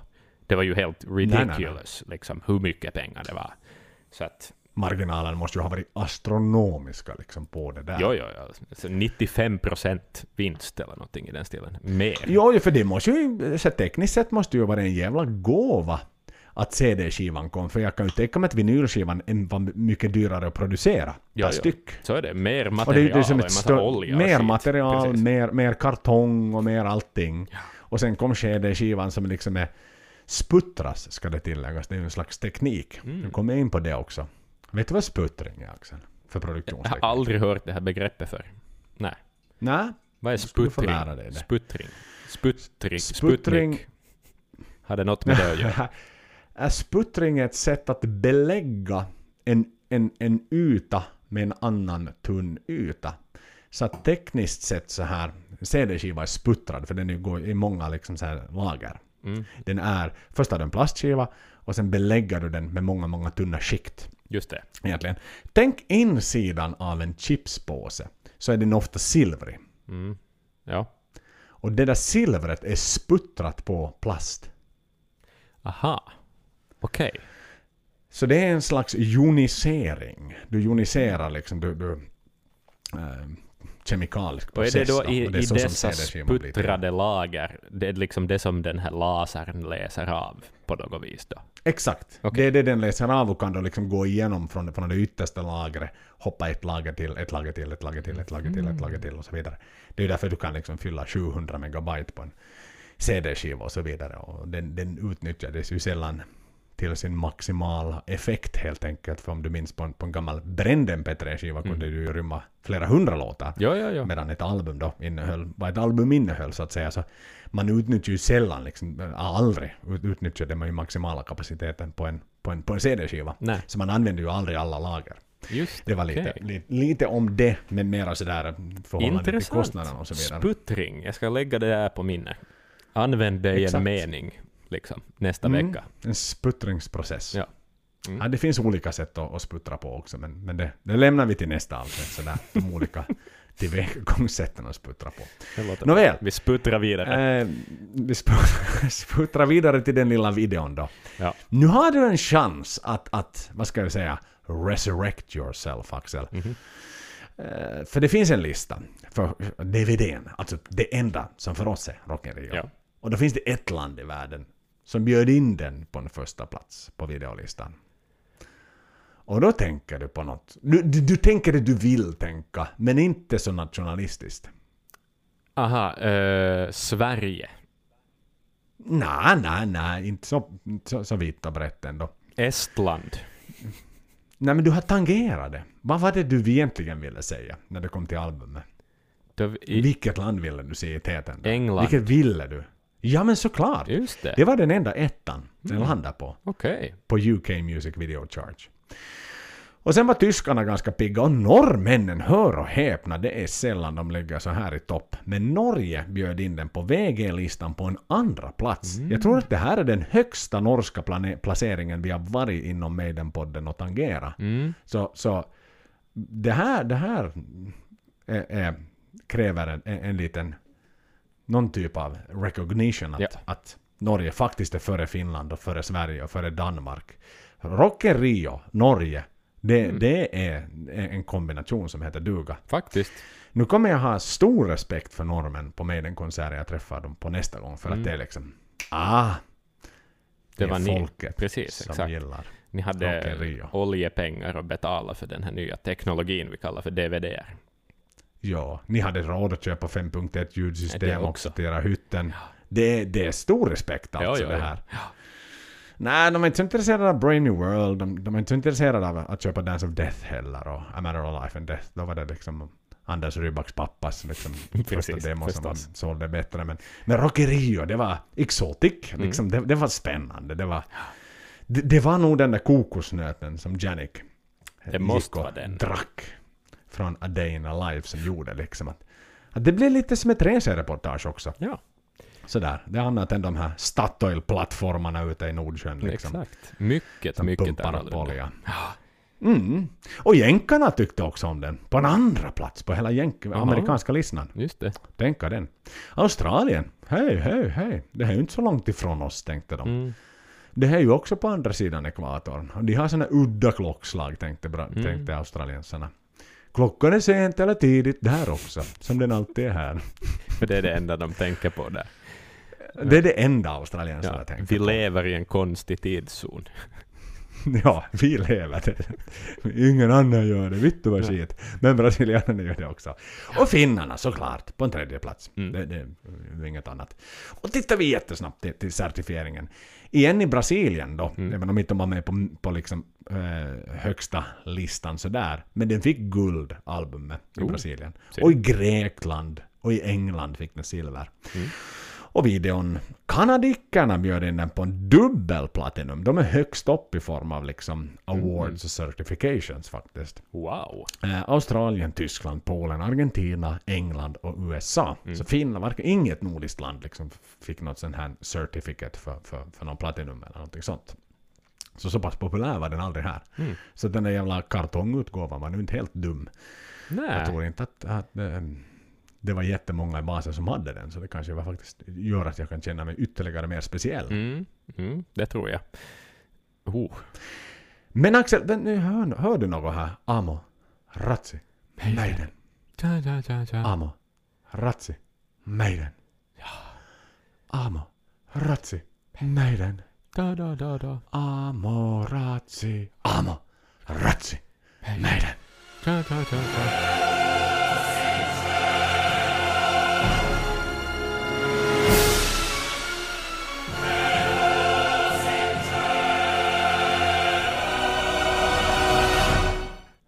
Nu drar den ju igång här. Vad är det som händer? Nu drar Arthurs Farewell. Det, kommer det från någon film? Jag, har, jag vet inte, men det, här är den mest bombastiska inledningen av en Maiden-spelning någonsin, tror jag. Det är så jävla stort och de spottlamporna och allting. Ja, da, Alltså, de hade ju- De hade ju då på, på Somewhere in Time så körde de ju Blade Runner eh, som intro. Men, men det här... Ja, alltså gamla, god, gamla den Ja, ja. precis. På 80-talet. Men, men jag menar, Mm. det här är ju den enda... Det, jag, jag kommer ju inte på något... I något skede är det bara Dr. Doctor är det Death hade, nej, den som Death hade de också. Hade de något sånt då hade också? de någon sån här eh, bombastisk. Men sen slutade de med det. Ja, där. ja, men det här är ju det mest bombastiska av bombastiskt som finns. Liksom, på något vis. Det, det, det blir inte mer dramatiskt än det här. Det känns Nej. liksom... Ja, jag vet inte. Ja, ja. Den kom ju från filmen eh, First Night faktiskt. Med Sean Connery. aha. Okej. Det är Jerry Goldsmith som har gjort, gjort låten. Okej, Så vet vi det. då vet vi det. Så någon gammal, gammal film, jag har inte sett den. Nej, jag har ingen aning om vad det är för film. När jag googlade så, sitter, så står Sean Connery, gråhårig, Mm. ser ut som, som han är när han är Typ The förr i Rock. tiden av The ålder. Rock. Det. Exakt, Mm. The Rock-åldern. Så att, eh, så var det där. Och så, vad säger du Axel? Liksom, nu, nu har den tonat ut. Det här, Och vad, vad är det som sen händer? då, då springer Adrian in och river igång hela helvetet. Och det är ju goosebumps alltså. Fy fan, tänk Bam, att få bam. springa in Bam, och ensam på scen. Okej, Nico sitter där också, men praktiskt taget ensam på scen. Jo, för Ingen Nico ju tar ju faktiskt... Jo, för han står ju där och, och vifflar. Han kan ju inte hålla Nej, sig. nej, sant. Utan han låter inte Arthurs Farewell liksom bara vara... Utan han måste, han måste ju bara gå med ja, det är Ja, sant. och stå. Och han kan inte sitta och göra det. Han måste, han måste vara den Ja, ja, första. Men, men, det men det jag menar är ändå att praktiskt taget så springer Adrian alltså ensam in på scenen Ja. och river igång det här majestätiska gitarriffet framför Mm. 250 000 personer. Ja. Vad händer? Det är ju helt otroligt. Wow! Det här är så jävla bra. Och sen, och, och, och fyrverkerierna kommer igång.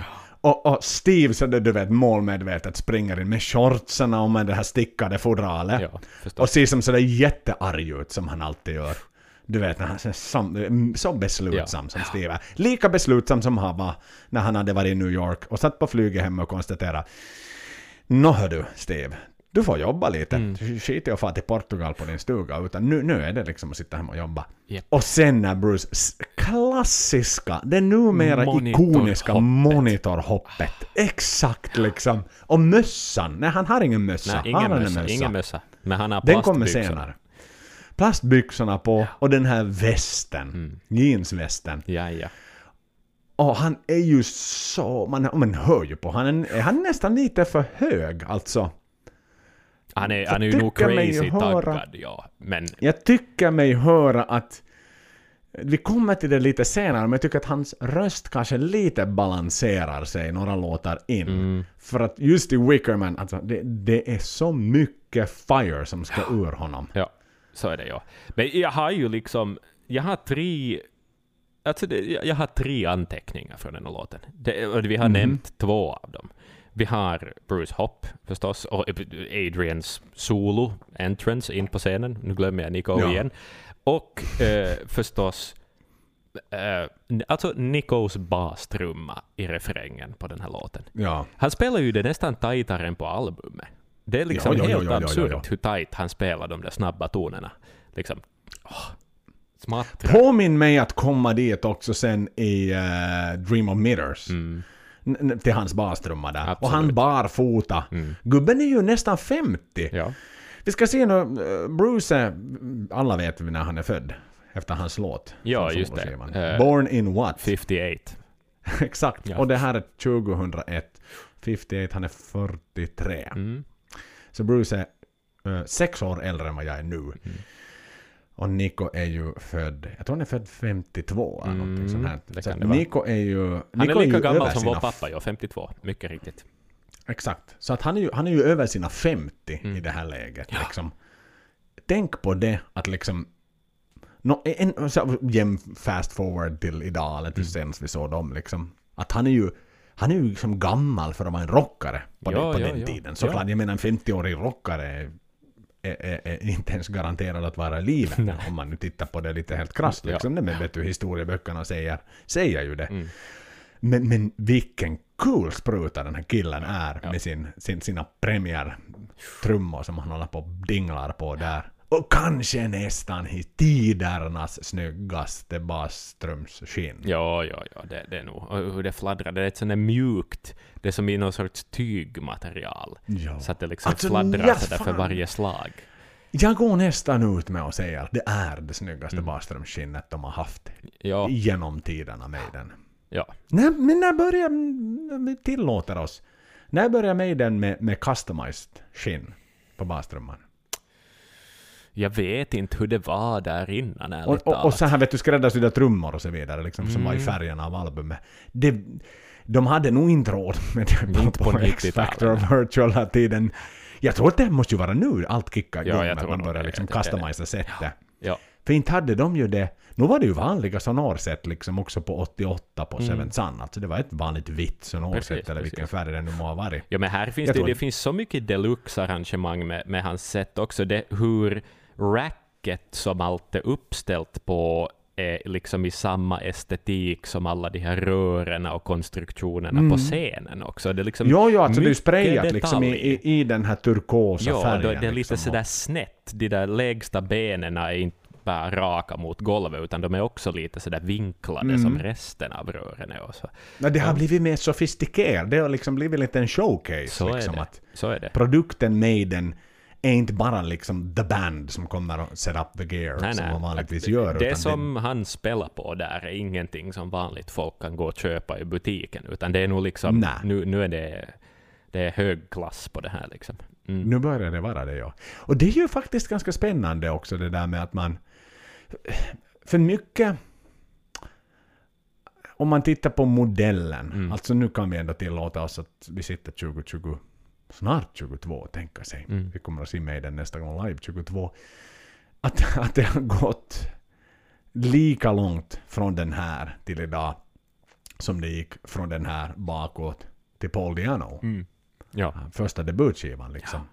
Eh, Tidsspa, om du tänker utvecklingen, alltså det producerades mer musik och Maiden liksom gjorde en jävla resa såklart liksom hela vägen fram tills det här. Mm. De, de, de Paul rocka gick upp som bara satan, stora i USA, ramlade ner på någon typ av 90-tal och så gick det som det gick och sen så började de liksom egentligen om på ny kula. Det, det, jag, jag, jag hävdar och, och för er som, som inte har lyssnat på, på, på Metal 2000 avsnittet och Brain New World avsnittet, alltså det är ett jättespännande avsnitt. För vi, vi är mycket inne och, och manglar kring det här liksom vikten av 2000-talet och hela var, varför det var så viktigt för mig den, Mm. att göra den här rebooten och lansera sitt Metal 2000 som vi var för en stund sedan inne på. Men, men vad jag vill landa i att allt systematiserades ju. Jag menar det, det blev ju varannan albumtour, varannan Mm. best of tour, varannan albumtour, varannan best of tour. Och hela det här liksom paketet med att Nikos Kit, liksom nu är ju en förväntan. Att folk, säg att du hade gått på Legos of the Beast nu på, på Göteborg så hade jag haft ett vitt jävla The British Drum Company nu, Ja, eller vad ja. heter det företaget. Så det hade varit helt neutralt liksom. Jo, jo, då skulle jag, jag, jag skulle undra var hans trummor är. Liksom. Jo, jo, då är det så här, för jävla billigt skit Exakt. hit. Nej, liksom. Jo, jo, för det var så här, blev de fast i någon flygplatsterminal Precis. någon annanstans liksom. Nu fick de lite snabbt lösa det av förbandet Ja. liksom. Så det är ju som en... Allt har ju paketerats Mm. på något sätt idag till ett, ett Maiden som... Som är så behagligt liksom. Det, är en, det är en produkt som, Mm. Ja, ja, som är... Som är inte... Jag vet att det är äckligt att prata om musik och produkt för allting blir liksom som kommersialiserat och lite sådär ändå. Konstnären i mig vill ju se, se det som någon typ av unikt sån här plinka-plonka Mm, jazz odyssey. precis. Det finns något vackert i det.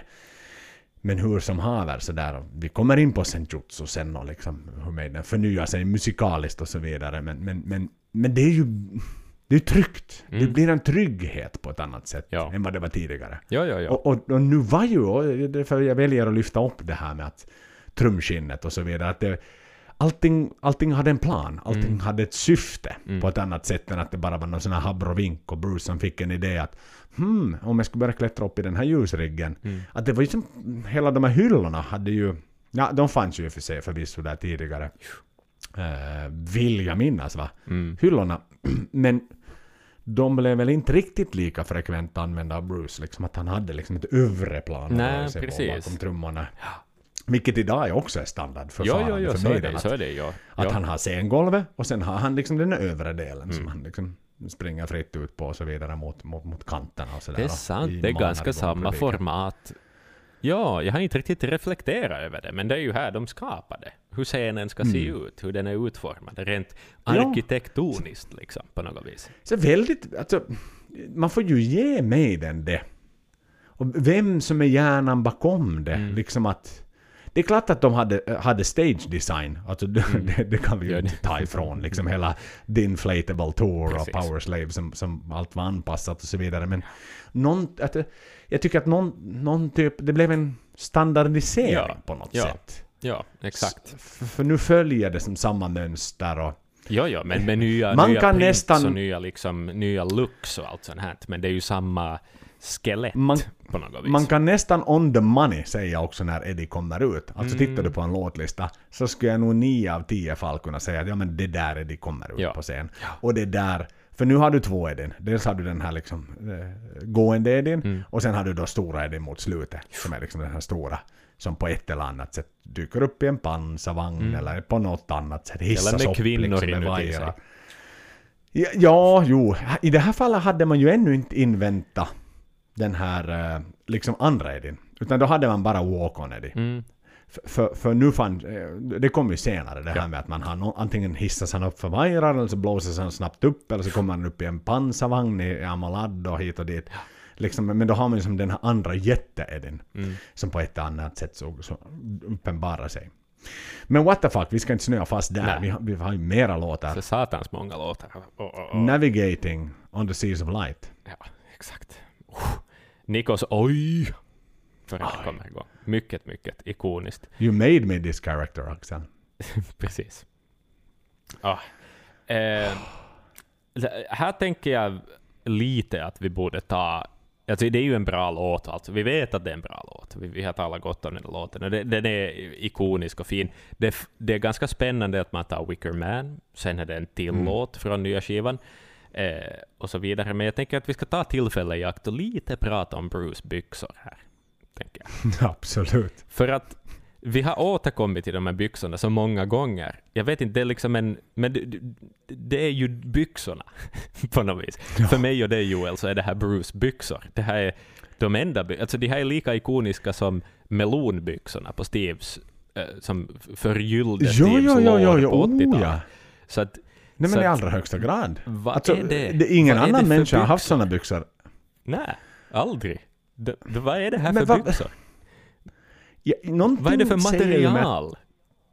Liksom. Jag tror ju att det är latexbyxor i grunden. Mm.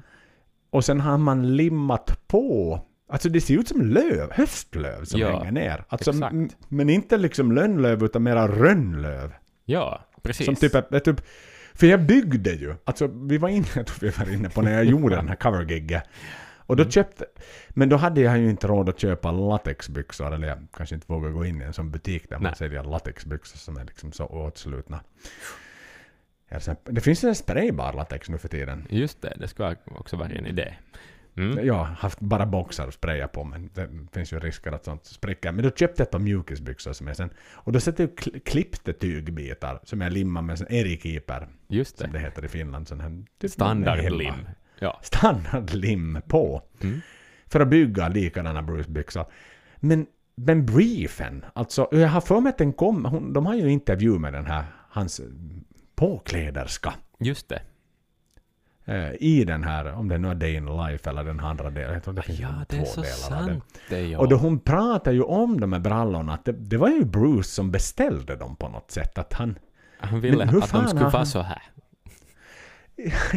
Så det ska vara hårdrocksbyxor med, med, med, med löv på. Precis. Alltså, Ja jag, jag, tänker på den här, vad heter den, Four Seasons, liksom den här... Är det inte Vivaldis? Vivaldi, fyra? ja, precis fyra sä- säsonger? Så det här är höstbyxorna. Ja, men alltså jag, jag alltid förknippat Bruce i någon sån här, vet du, skoluppvisning av klassisk musik. När hösten kommer, Mm. då kommer Bruce in med de där byxorna. Alltså jag har alltid tänkt Precis, ja. att det är ja. Nu är det höst. Ja, han är... Ja. Men, men, Han, han symboliserar hösten med de där byxorna och sen kommer sommaren in och ser ut som en palm eller ett solsken eller ja, någonting precis, annat. Och, precis. Men, men det är höst för mig, de där byxorna. Det är höstbyxorna. Vad Ja. är det för dig? Jag, jag, jag vet inte, för det, det är liksom... Jag, jag, det är lite som att han har haft latexbyxor på sig, som han har dragit ovanpå ett par andra byxor, och sen på något vis hamnat i någon olycka med någon sorts eh, woodchipper, eller jag vet inte någonting. Något har hänt, eller några arga hundar som har kommit och, och liksom rivit Mm. upp dem. Men de, är- de är unika. De är unika. Det fanns inte... För det, det har inte ska ju- funnits alltså- sådana byxor efter de byxorna heller. Liksom. Men är han lite... Alltså, han hade sol, som det heter på finska innan. Ja. Kört lite solo och liksom identifiera sin roll och så vidare. Det vet vi ju alla från Mm. alla soloalbum. Det kan ni lyssna på om inte ni har lyssnat på dem. Så där han försöker hitta sin plats i livet på något sätt efter Maiden och håller på med ditten och datten. Och till slut så landar han i metal där mot slutet. Mm. Men, men i alla fall så, så är det här, jag menar han har ju blonderade, han är ju delvis blonderad Kalufs också. Det här. är också sant, ja. Och kort Men det är, ju, hår det är ju inte hans naturliga. Exakt kort hår och blonderad, liksom gel och grejer liksom. Inte Mm. nu spikes. Men du vet Nej. han, han är ju lite mer mån om sitt utseende. Ja, Sådär det är han Jag nog. vet inte, det är playboy eller något sånt här. Men, men lite sådär att han vill ju inte bara vara den här gamla mossiga hår. Alltså det är ju inte liksom Biff. Buford som alltid har sett likadan ut. Eller Steve Han har Harris inte för den fastnat i delen, som alltid- 80-talet liksom på det viset. Nej. Nej. Nej, utan är det också en, är de där brallorna en del av att liksom då frillan är nu, han har gel i håret, liksom, han har Mm. färgat lite blonda slingor och så vidare. Att nu, nu vill han liksom lite modernisera sig på något sätt. Ja. Jag vet inte. Kanske det, kanske det är något sånt. Det finns mer till metal än bara vanligt latex. Man kan köra Mm. det här också. Liksom. Ja. Ja. ja, för den här briefen har jag aldrig riktigt förstått. Men Nej. lite tillbaks till låten, för det här, Ja, har ja. ju mitt, liksom, det här är ju mitt epic moment. Mm. När den går igång i det här I wanna hear your voice. Aj, aj, aj, Japp. aj, aj, aj. När det bygger upp, du vet. Taco, taco, taco, den där offbeat bastrumman och allt det här, ja. Precis. Ja.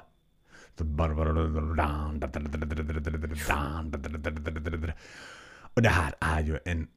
Oj, vilken låt det här är. Mm. Och vilken tung låt det här är. Och vi, vi hyllar ju den utav bara fan. Mm. Men den låter ju inte dum i Rio.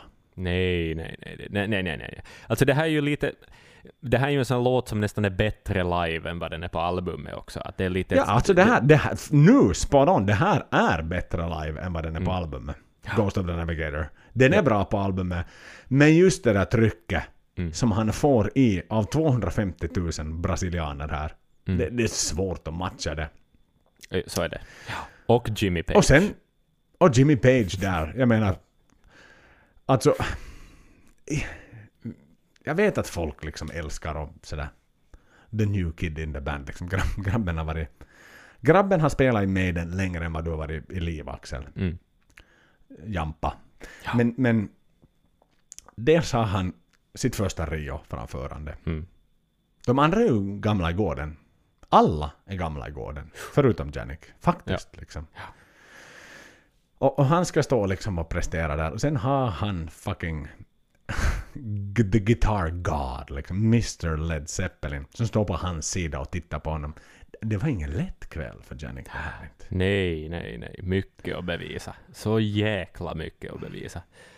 Och dessutom är ju, är ju The Guitar God inte där för att höra Brave New World-låtar, utan han ville väl höra lite gamla godingar. Men likväl, vad händer efter Ghost of the Navigator? Nej, det är klart, nu kör vi på title track of the album. Så är det. Så är det ja. Brave New World, ja. Alltså det är nog ballsy. Tänk...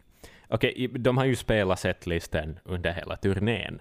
Men ändå Ja. att det är en sån high profile spelning inför Hela så mycket Asien, nya... Ja. Hela Sydamerika, en miljard människor satt och tittade på det här och de sitter ju inte och väntar på att när ska ni spela Brave New World? Nej. Nej, nej. Men att de, de rider på det och det fungerar.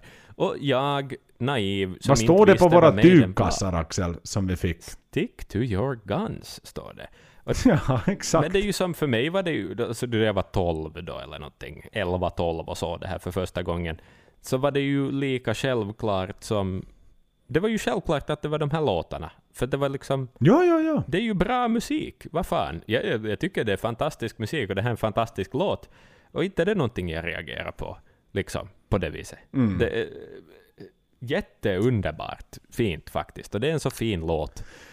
Och Dave, Dave Här vill jag- varit med och skrivit den också, ska vi ju säga, fast han inte hade en kamera på sig. Här vill jag också passa på, på att lyfta upp ehm, Kevin Shirley, som ändå proddade den här skivan. Det var ju ändå liksom, det fanns en budget på den här tiden. Mm. Som det har hänt några gånger senare, men inte hemskt många gånger senare. När det kommer till att, till att eh, editera. Mm. Men Kevins förmåga att fånga trummor, Ja. den är ju exceptionell. Han, jag skulle säga att det är ju nog hans specialtalang, verkligen. Mm. Han är ofantligt duktig på att plocka liksom varenda, du vet, ta, ta, ta, de här klockslagen som, när han kör på klockan på riden liksom. Han, och, och detsamma gäller ju för, för eh, Somewhere Back in Time, den här Mm. eh, runt världen som vi gjorde.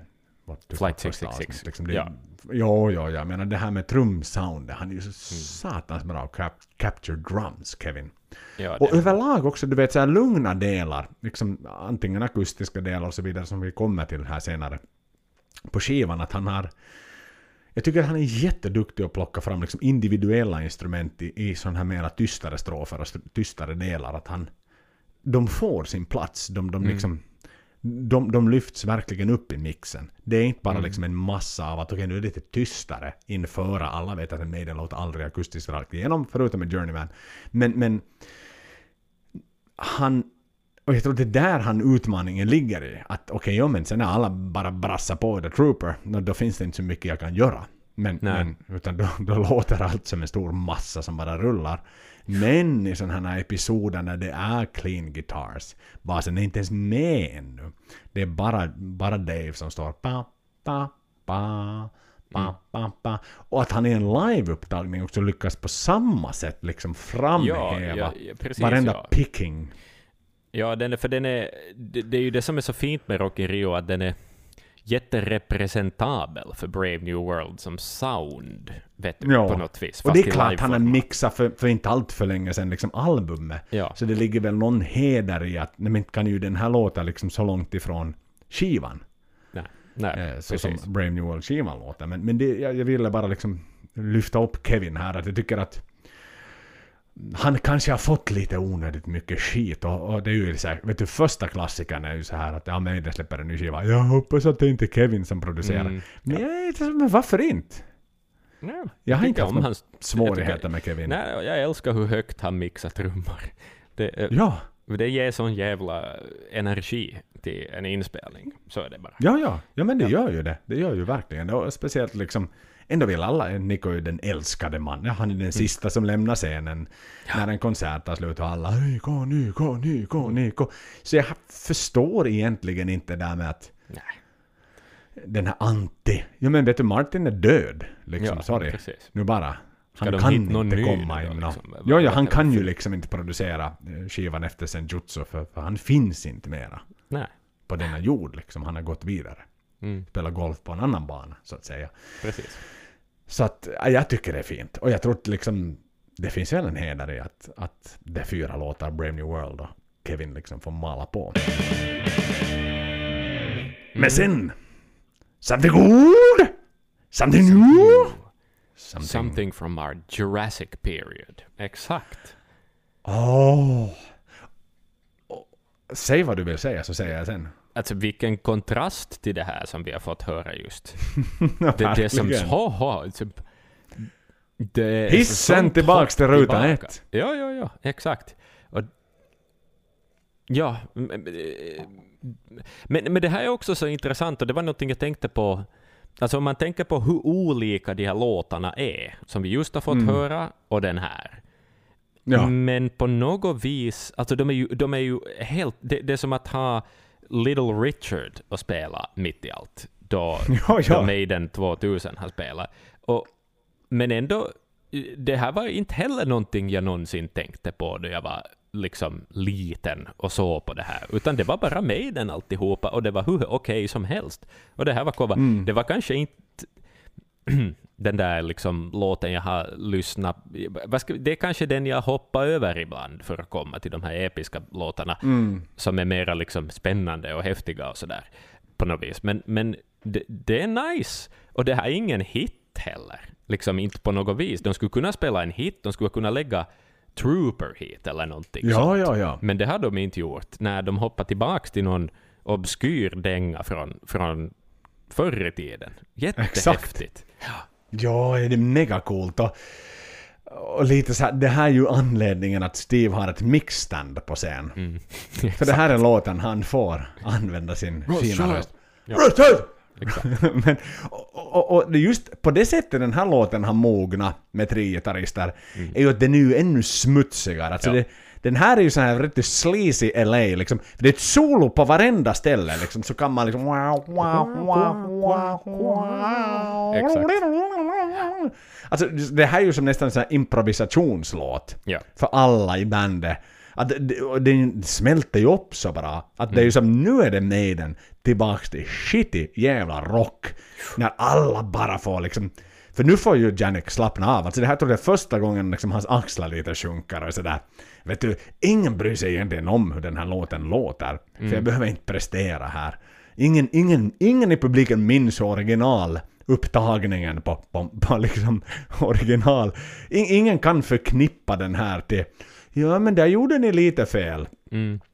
Och jag menar alla människor nästan förutom Steve och, och, och Dave är utbytta här. Ja. Så att på något sätt liksom det här är ju en sån här freebasing-låt Ja, ja, ja, som, som de bara får liksom lätta på stämningen i. Ja, ja, ja. ja. Det, det, det är precis, precis vad det är. Det, det, det, är ett jam. Det här Ja. liksom, ja, precis. Det, det är Jazz Odyssey lite. Ta bort stressen liksom från hela den här prestationsångesten. Ja, För att ja, sedan ja, den gå är in- inte så allvarlig heller. Eller som på det viset. Det är ju det är inte it's a rocker. Det är, inte, det är inte mer än det. Nej, nej, nej. För att sedan gå in då i Mr. Jenny Gears Comes to Rio. Mm. Då är det Exakt. tillbaka. Låten som Adrian och Bruce skrev. Mm. Och jag tycker det finns något vackert med det där.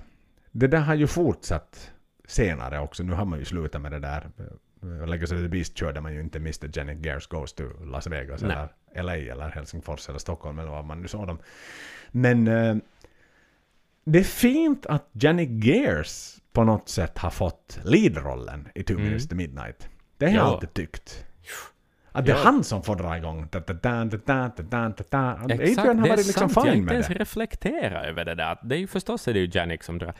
Jag har inte ens tänkt Adrian på det. har varit fine. Han är liksom... Den, vad fan, jag vet, jag skriver ju låten med Bruce, men kör Spelade på du bara. Kör Ja. på min vän. Kör på Ja. min vän. Du Så får ta det. den som din. Det är... Men Det här är också en sån liten låt, alltså, för jag har inte sett Rock in Rio på jättelänge, fram tills att vi gjorde det här avsnittet. Och jag måste ärligt talat lite sådär, jag hade lite glömt bort att den här låten finns på setlisten. På något vis. Att, att den är- Enda låten från Powerslave, ska det ju också sägas. det, det också, Från vilket ju liksom någonstans ikoniska albumet. Precis, exakt. Eh, men eh, men jag, jag, det jag minns då jag tittade på den var jag ja ah, just det ja, Two Minutes Midnight är med här också. Men det som jag däremot reagerar genast på är, är någon, det sitter en, ett extremt hypat fan på axlarna på någon annan i publiken som har en sån där lite grå daskig Maiden-tisha. Och den Mhm. människan, så det var ju så här, ah ja men förstås, honom minns jag ju. Det, han min- minns jag jättetydligt. Och det här är liksom en split second klipp sådär som, som kommer i, i något. Mm. Av de 8000 klipperna. Ja, exakt, precis. Men... Det är ändå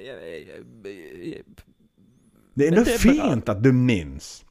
Jag menar, Ja. du har 7999 klipp som du inte minns. Men då är det den här grå, den här gråa tröjan som, som Ja. måste Och, och förstås, det, det vi ju också minns väldigt mycket är ju då, då Bruce hoppar ner på den här Dolly-kameran på rälsen och rider med Mm. den. Det var ju häftigt. Oh, vad det jag var såhär, är det här tillåtet? Är inte det farligt att stå där? Vad kameran välter? Och, och det Mm. jag också funderar på, är det alltså en människa på den där vagnen? Alltså en kameraoperatör? Eller är det någon sorts automatiserad kamera, eller är den bara statisk? Och, och, vet du, sitter det någon och gömmer sig där bakom kameran som man inte lägger märke till? Jag tror nog att någon buffar den. Alltså så pass, det är inte så Jo, jo. programmerat. Nej, för det är liksom ändå att du bara har en 2001. Liksom. Nej, Som precis. går på en räls fram och tillbaka och någon sitter och styr den med någon joystick. Utan det, det är nog någon som manuellt pushar den fram och Ja. tillbaka. Det måste ju vara så. Ja, och hur förberedde den människan på att Bruce ska hoppa ner? Har de byggt podiet så att det ska rymmas en Bruce Dickinson där och stå? Nej, det, det där är en spontan grej av honom. Absolut. Ja, det måste där är vara det. inget. Och, och där är man lite halv orolig att håller det här ihop liksom. Det jo, jo, med tanke på att han människa. sparkar ner en kamera redan. Liksom. Det är ju inte en sån här Möjligtvis. gammal cowboytåg du vet en sån pumpgrej liksom, som står och viftar fram. Exakt. För det är ju som ett slags tågspår den går på. Ja, ja, ja, så är det. Fram och tillbaka där framme vid scenen. Ja.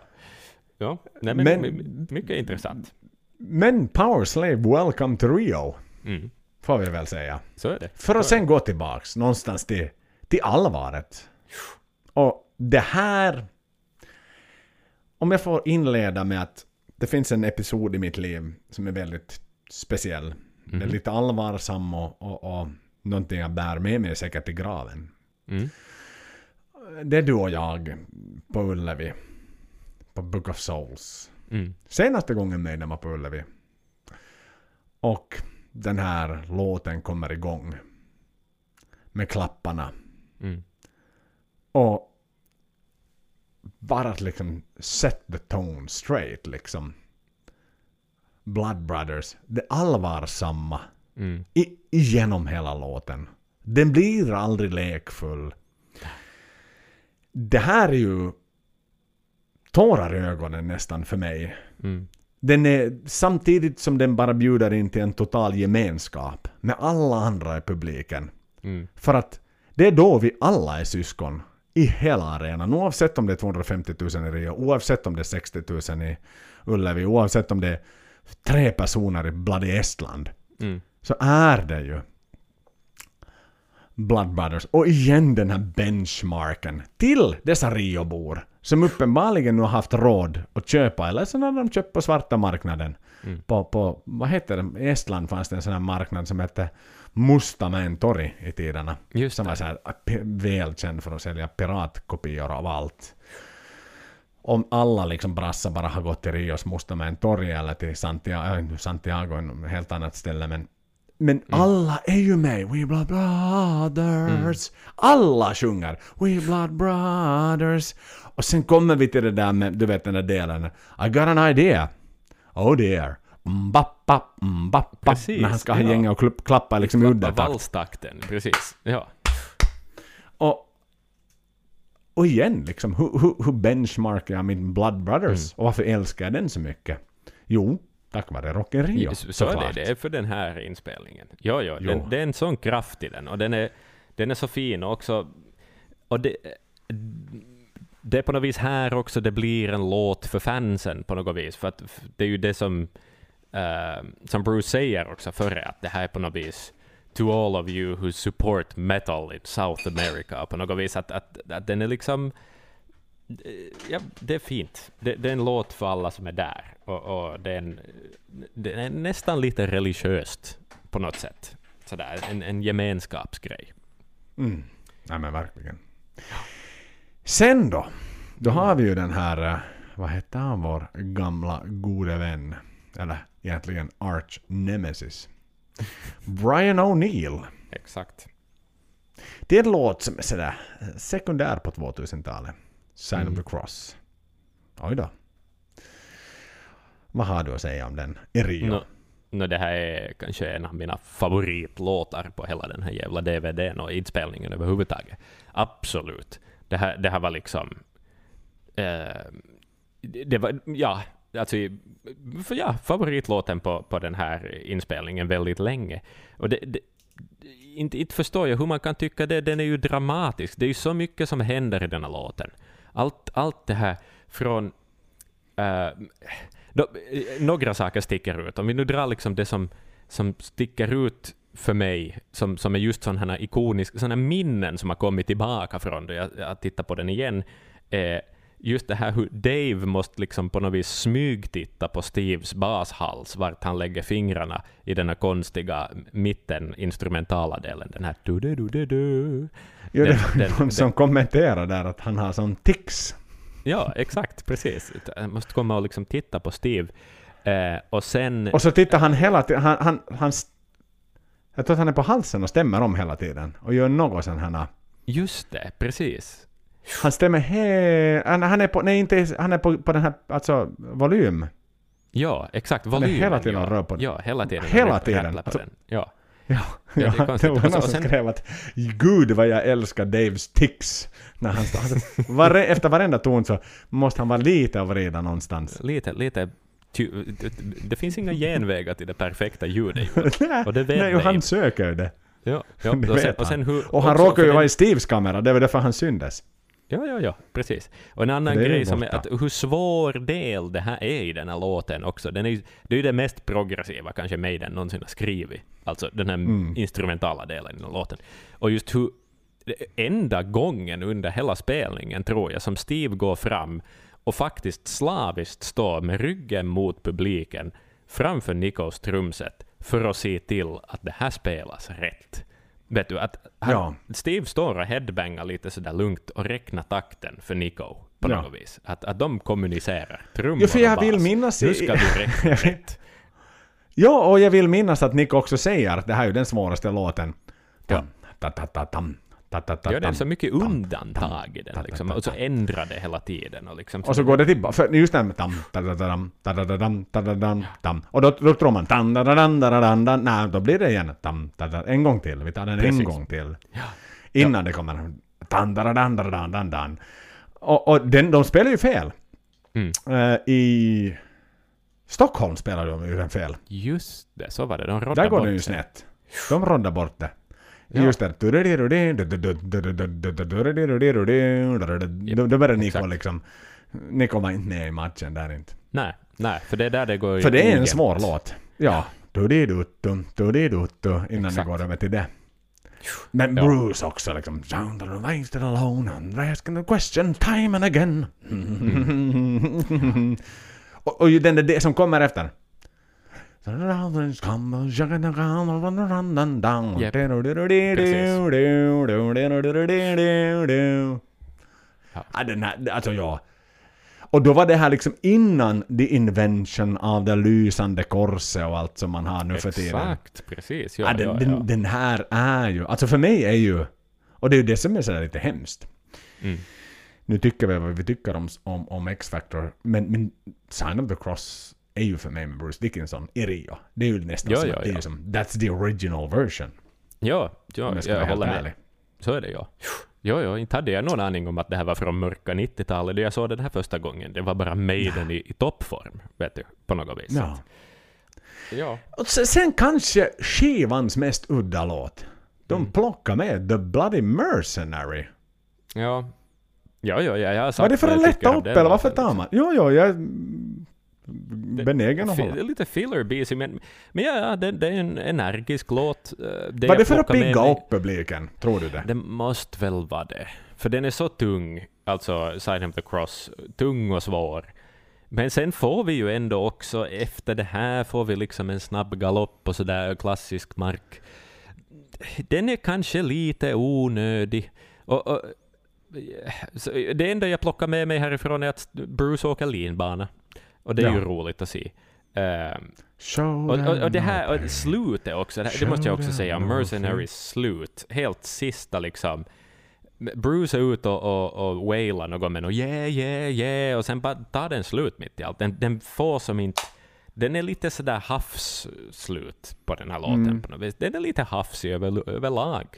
Ehm, ja. Mm, inte, Nä, lågvattenmärket. Det gör vi. Sen kommer vi till det bästa. Into the Valley of Death. Mm. Road the 600. Cannons to right of them. Cannons to left of them. Alltså det där talet har jag ju varenda gång efteråt när jag hörde Trooper så ville jag ju att han skulle säga det. Falling Ja. and Thunder. Trooper! Han har aldrig sagt det förutom här. Nej. Ah. Mm. Men det här är egentligen sista gången Trooper var bra. jag håller med, ja. ja det, så är det, för den är... vet- De är tre gitarrister, och, och, och, och liksom hela den här... Ganska långt genom hela låten så står ju liksom Bruce står där bak med flaggan och viftar den. Det är hans jobb i den Ja. låten. Och sjunga låten förstås, men att vifta på flaggan. Och sen allt det här space framför att alla är där, alla gitarristerna är där på monitorn i mitten och hänger. Och, Mm. och, Bruce, och Steve menar jag. Att, att, och den här stillbilden av, av liksom alla de här gitarrhalsarna och sen eh, då Bruce där bak och viftandes med flaggan. Att det är nästan liksom, vet du, som en sån här, det är som en renässansmålning. Ja, vis. Vet är du, en att, att den är som ikonisk, så eller en ikonisk GIF. Ja, exakt, precis. Det är Alla dagens renässansmålning och sen- Ja, det En ikonisk GIF. GIF. Precis. Det är inte Rembrandt här inte. Nej. Nej, men, det, men det, liksom, det händer så mycket och det är som så häftigt. Och, och det, men det är en bra trooper. Det här är en jävligt bra trooper. Det, det är det. det liksom, sen, ja, nej men det är den sista bra troopern, kanske. Ja, ja, ja men det är det. Det Och, sen, och dubbla gitarrsolo var ju också Mm. här, då både Janik och Adrian spelar solo samtidigt. Samma solo samtidigt är också Ja. nice. Sen är det tillbaka till lite mera Brave New World. Och här igen, eh, det var här jag ville komma in i, i dels Kevin Mixing Skills live, Mm. men lägg noga märke till den snabba bastrumman i I Only Dream in Black and White. My Own Dreams come. Jag tror att tempot är snabbare än vad den är i studion. Ja. Att en fot, barfota, 50-åriga Niko. Alltså jag skulle ha svårt med dubbla fötter att liksom få in det där. Och det är igen så det här är ju kompetensen av Nico McBride, Bloody Brain. Ja. ja Jesus my man vad han är snabbfotad. Alltså han hade ju varit en sån här speed metal trummis som han hade bara valt att köra med dubbla fötter. Ja, han skulle nog kunna göra något sånt. Men med Absolut. lite sådana sloppiga händer. För Mm. han, hans fötter hade gått medan händerna var så blum, blum, blum, blum, Ja, precis. Lite jazzigare touch. Jo, lite mer sen sloppy. Så det hade, men en, igen också en unik grej. Han, har, han hade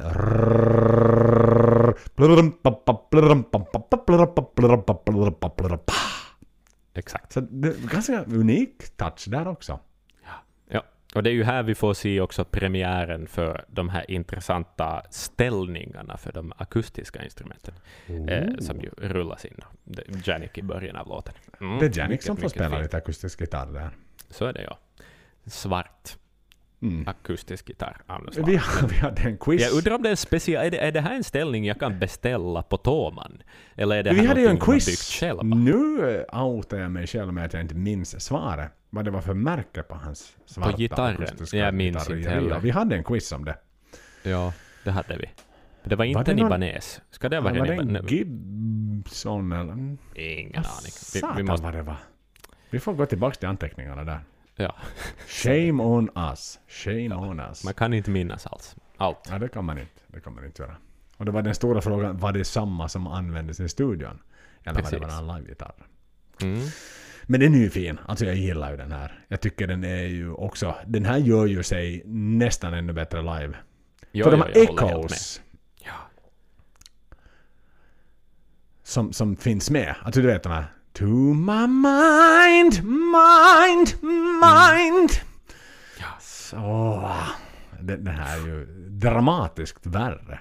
Den Ja, här det är nog låten. en bra, Den, det är en fruktansvärt bra låt. Och en, en jätte, jätte... Den, Den har växt. Den har växt jättemycket mer den här Så. låten. Det var inte en låt jag förbi så i tiderna när jag Mm. började lyssna på Brave New World.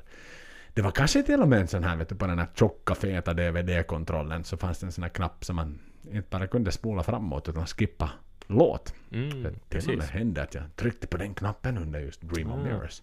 Bara, jag i Wrathchild. Precis. exakt. Bara för att komma till, vilken då? Mm. Det här speechen. Ja, och det, det här ska vi stanna till lite. För det är här jag reagerar på, på något vis ändå att de är medvetna om att de också uppträder för en publik som inte är Maiden-fans. Vet du? För sättet Bruce presenterar låten på är liksom att och det är inte första gången det här görs på spelningen, att han måste berätta vad den handlar om. Mm. Och, och det är som på något vis... Det, det är ju som att presentera någonting för en större publik. Vet du? Att, att nu är det inte bara inside-gänget som, som gäller längre, utan nu, nu behöver vi liksom... Vi måste säga vad det här är för någonting för folk som kanske inte alls har någon aning om vad det här är för någonting på något vis. Mm. Och sådär. Det, det, det är en sån liten detalj jag liksom reagerar på på något vis. Och, och sådär, vilken relevans har den här låten för brasilianer? Liksom sådär. I don't know. Men, men ja.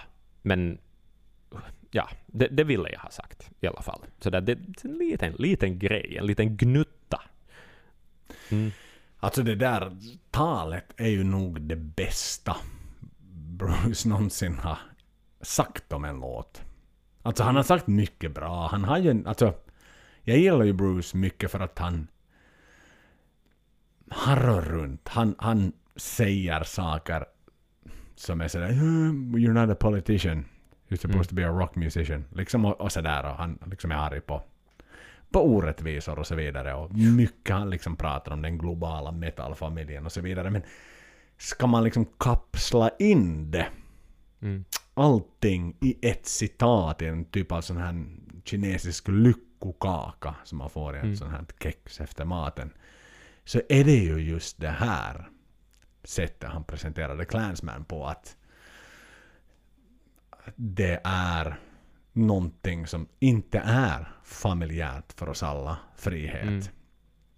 Även 2001. Och Mm. även om den här låten går hela vägen tillbaks till liksom skotska kriget och så vidare. Liksom. Men det är så vackert att han verkligen, och, och precis som du är inne och säger att den här livestreamades gjorde den inte för det var 2001 streamtjänsterna fanns Den inte då, den, den broadcastades liksom i Asien och många länder.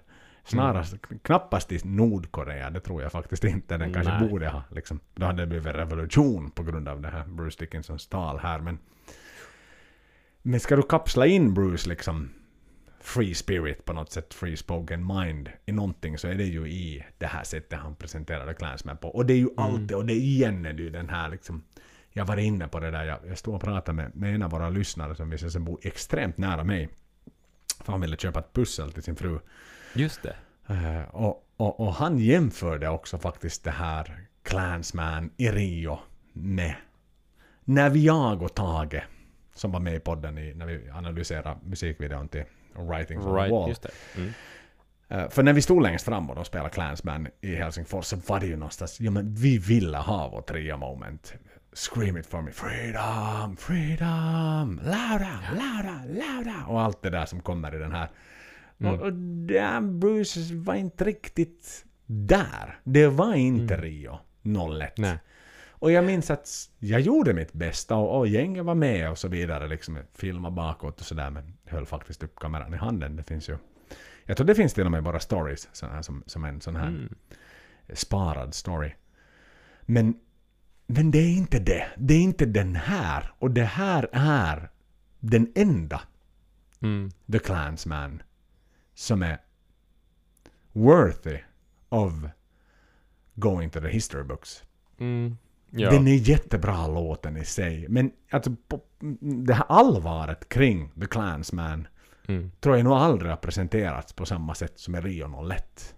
Så det, det, här är, för mig, är det ju här Man of the Match. Alltså det här är låtarnas låt på Rio. Jo, jo, The jo. Det här är Clansman. goosebumps shit alltså. Det är varje gång. Varenda gång. Och överlag, liksom någonstans nu har jag ju lyssnat sanslöst mycket på Senjutsu. Såklart, Mm. den har legat ute i en par månader nu eller vad det nu blir. Men, och jag tänker sådär att jag tycker om den. Vi, ska prata om den när vi pratar om den. Men, men när jag väl satt på Rock in Rio Mm. och Goosebumps kom igen. Så Mm. är det ju sådär, ah, det är ju inte första gången Maiden ger mig Goosebumps. Och, Nej. Nej. och, och det var så skönt bara att sätta på Rock in Rio och då utvalda låtar och så vidare som, som riktigt fick håret att springa upp på armarna. Liksom att härliga tider, det är 20 år sedan det här. Mm. Och, och det är fortfarande Goosebumps. Och det är ju därför Maiden är Maiden, därför vi har vår podd någonstans Mm. liksom och wow. The Clansman. Ja, ja, ja, att den ännu har liksom någon sorts... Man har hört den hur många gånger som helst, men den har ännu nå- någonting... Den har någonting kvar som får en att Mm. reagera. Det är jättespännande. Ja. Ja, några liksom sådana eh, plock ur det här eh, framträdandet. A är, då Nico står och dansar bakom trummorna på något sånt här sätt. Kosackaktigt. Kosackaktigt, ja, precis. Det kommer mera dans också. Eh, då Janik och Bruce på något vis är där och, och battlar i någon sorts riverdance. Precis, exakt. Ja. Det, det är ikoniskt bara. Det Det är ikoniskt det. ikoniskt verkligen. Och skrattar och har sig. Mm. Ja. ja det, här, det, här, det här är ju liksom... Ja, för mig är det här the Clansman och the Ja, song. så är det definitivt. Pontet. Det blir bra. Sen är det tillbaks till gammalt ljuvligt 80-tal igen. Mm. The good that men do is often heard with the bones. But the evil that men do Mm. lives on. Och den här är ju ikonisk. Så är det, ja. Jo, jo, jo. Det, Upptagningen. Det, ja, det är... Det, men det är också lite en sån låt som jag liksom lite hoppar över ibland. Ja, Nu här, jag Eddie kommer på här- scen. Det här, ja, jag vet. mig. Jag vet att Eddie kommer på scen, men jag, jag, låten i sig... eh, Det, finns, det, det, är en sån Brave New World-inspelning det här, så Mm. att den här liksom... Jag, Så Love is Jag vet a razor för dig. Här. Nja, jag, jag älskar solo. Älskar jag. Det är ett av de bästa Maiden-solorna tycker jag som finns. Och jag gillar då både Adrian och, och Janik spelar också det. Då Janik ändå har bara axla Adrians roll på något vis. Och sådär. Men, men, men det är ett neutralt inställt till Evil That Men Do på Rock in Rio faktiskt. Ja, ja. Om, om jag är helt ärlig. Behöver vi då något mera? Men vad tycker du då? Alltså men det var ju lite en sån här reignition för mig till... För jag ska vara villig och vara, vara ärlig vid det här skedet när Rio kom ut så... Alltså just äh, det som hände efter Mm. Somewhere in Time. Jag var fan ganska dåligt insatt i det där. Och även om ju liksom Somewhere in Seventh Son of a Seventh Son är en fantastisk skiva. Mm. Men jag var inte så väl, liksom, jag fattade inte riktigt vad det betydde. Och, och No Prayer och så vidare och allt som hände Nej. sen. Liksom, så att... jag tyckte den var bra, men, men det var lite så ja, jag håller med. Det, var, det, var, det här är låten Eddie kommer ut på. Ja, precis. Men det var inte mer än så. Nej, nej. Och så, så fuck it, inte ska vi nu nöta om inte vi vill prata. Eh. Det, det, Men, eh, det, det är roligt att se Janik slåss med Eddie förstås. Det är det ju alltid. Och det var antagligen första gången jag någonsin såg det hända på en scen på det viset. Så det, det är ju nog som häftigt och sådär. Men, men sen är eh, det ju A Light in the Black. Och Mm. Just After, after Dark. Det är ju inte den bästa inspelningen av Nej, det är of den- Dark. den näst bästa. Det vet vi ju. Ja. Och det är ju här skrattet kommer in. Det är ju här Bruce utvecklar den. Mm. Från gamla goda tider. Som, som ju sedermera har blivit ikoniskt. Ja. Och Ja, sen är har det så- utvecklats ännu mera i I said, The Beast, liksom går runt med liksom en lykta och så vidare. Och den här Mm. hatten och en, någon mask och grejer. Men vad fan. Det är Fear of the Dark. Vad ska man Ja. säga? Nej, det, det är en bra, alltså det, det är ju en fantastisk, alltså visst vi kan hypa Helsingfors eh, 90, ni, ni, hur mycket som helst, men det här är ju nog en, en jävligt Den är ju bra bättre, version. alltså den är ju av- Det är ju bättre. bättre, det är en Såklart bättre är inspelning, bättre. det är liksom allt det här. Men, Ja. men liksom, det är rojsigt på ett skönt sätt, tycker Ja. jag, den här. Den, den liksom, Den är smutsig. den är smutsig, ja. Och Adrian får för första gången liksom sådär vandra in i 90-tals-Maiden på något sätt. Som är, nu, nu är det Janik plötsligt som är liksom second violin här. Ja, ja. Och Adrian spelar th- third violin. Liksom bara en Mm. sån sak att liksom... Förutom Ja, det är för, för, för eget material och så vidare. Men liksom i det här fallet så är det... I mean, Adrian var inte med och banda in det här. Han visste inte ens... För det här var inget som han hade ens varit med och skrivit och bara walked out of. Utan det här var andra skivan efter att Mm. att Adrian gick. Så att han, han fick lära sig den här låten. Ja, tänk. Det är konstigt att tänka sig. På något vis. För det är ju som. Maidens, det är ju den där, den är ju lika ikonisk som Trooper. Liksom om inte mer. På något Ja, vis. ja, ja. Oh, ja. Ja. Nej, den är bra. Den är bra. Mm. Sen är det ju då buren ska fram. Mm. Ja, det ska Scream for me Brasil. Scream for me Brasil. The Iron Maiden. Här händer någonting. Då... Precis då låten kickade igång.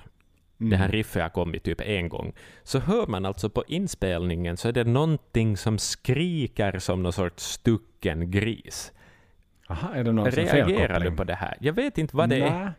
För jag vet inte varifrån det kommer, vem det är. Kan det vara de här kvinnorna inne i... i eh, Är de du, vad, vad är grejen? Jag vet ingenting, men det finns där och jag vet inte om jag har hört i synen, men jag gick tillbaka flera gånger och var så här, du vet, det, det är nästan som ett Willem scream, det här klassiska filmskrik, eller något som bara Mhm. kommer någonstans ifrån.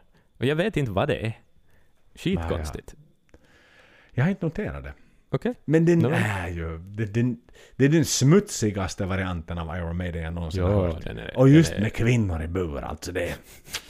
Det, det, det är borderline idag. Ja, det är nog det. det Det är kantboll. ja. Men den görs ju bra.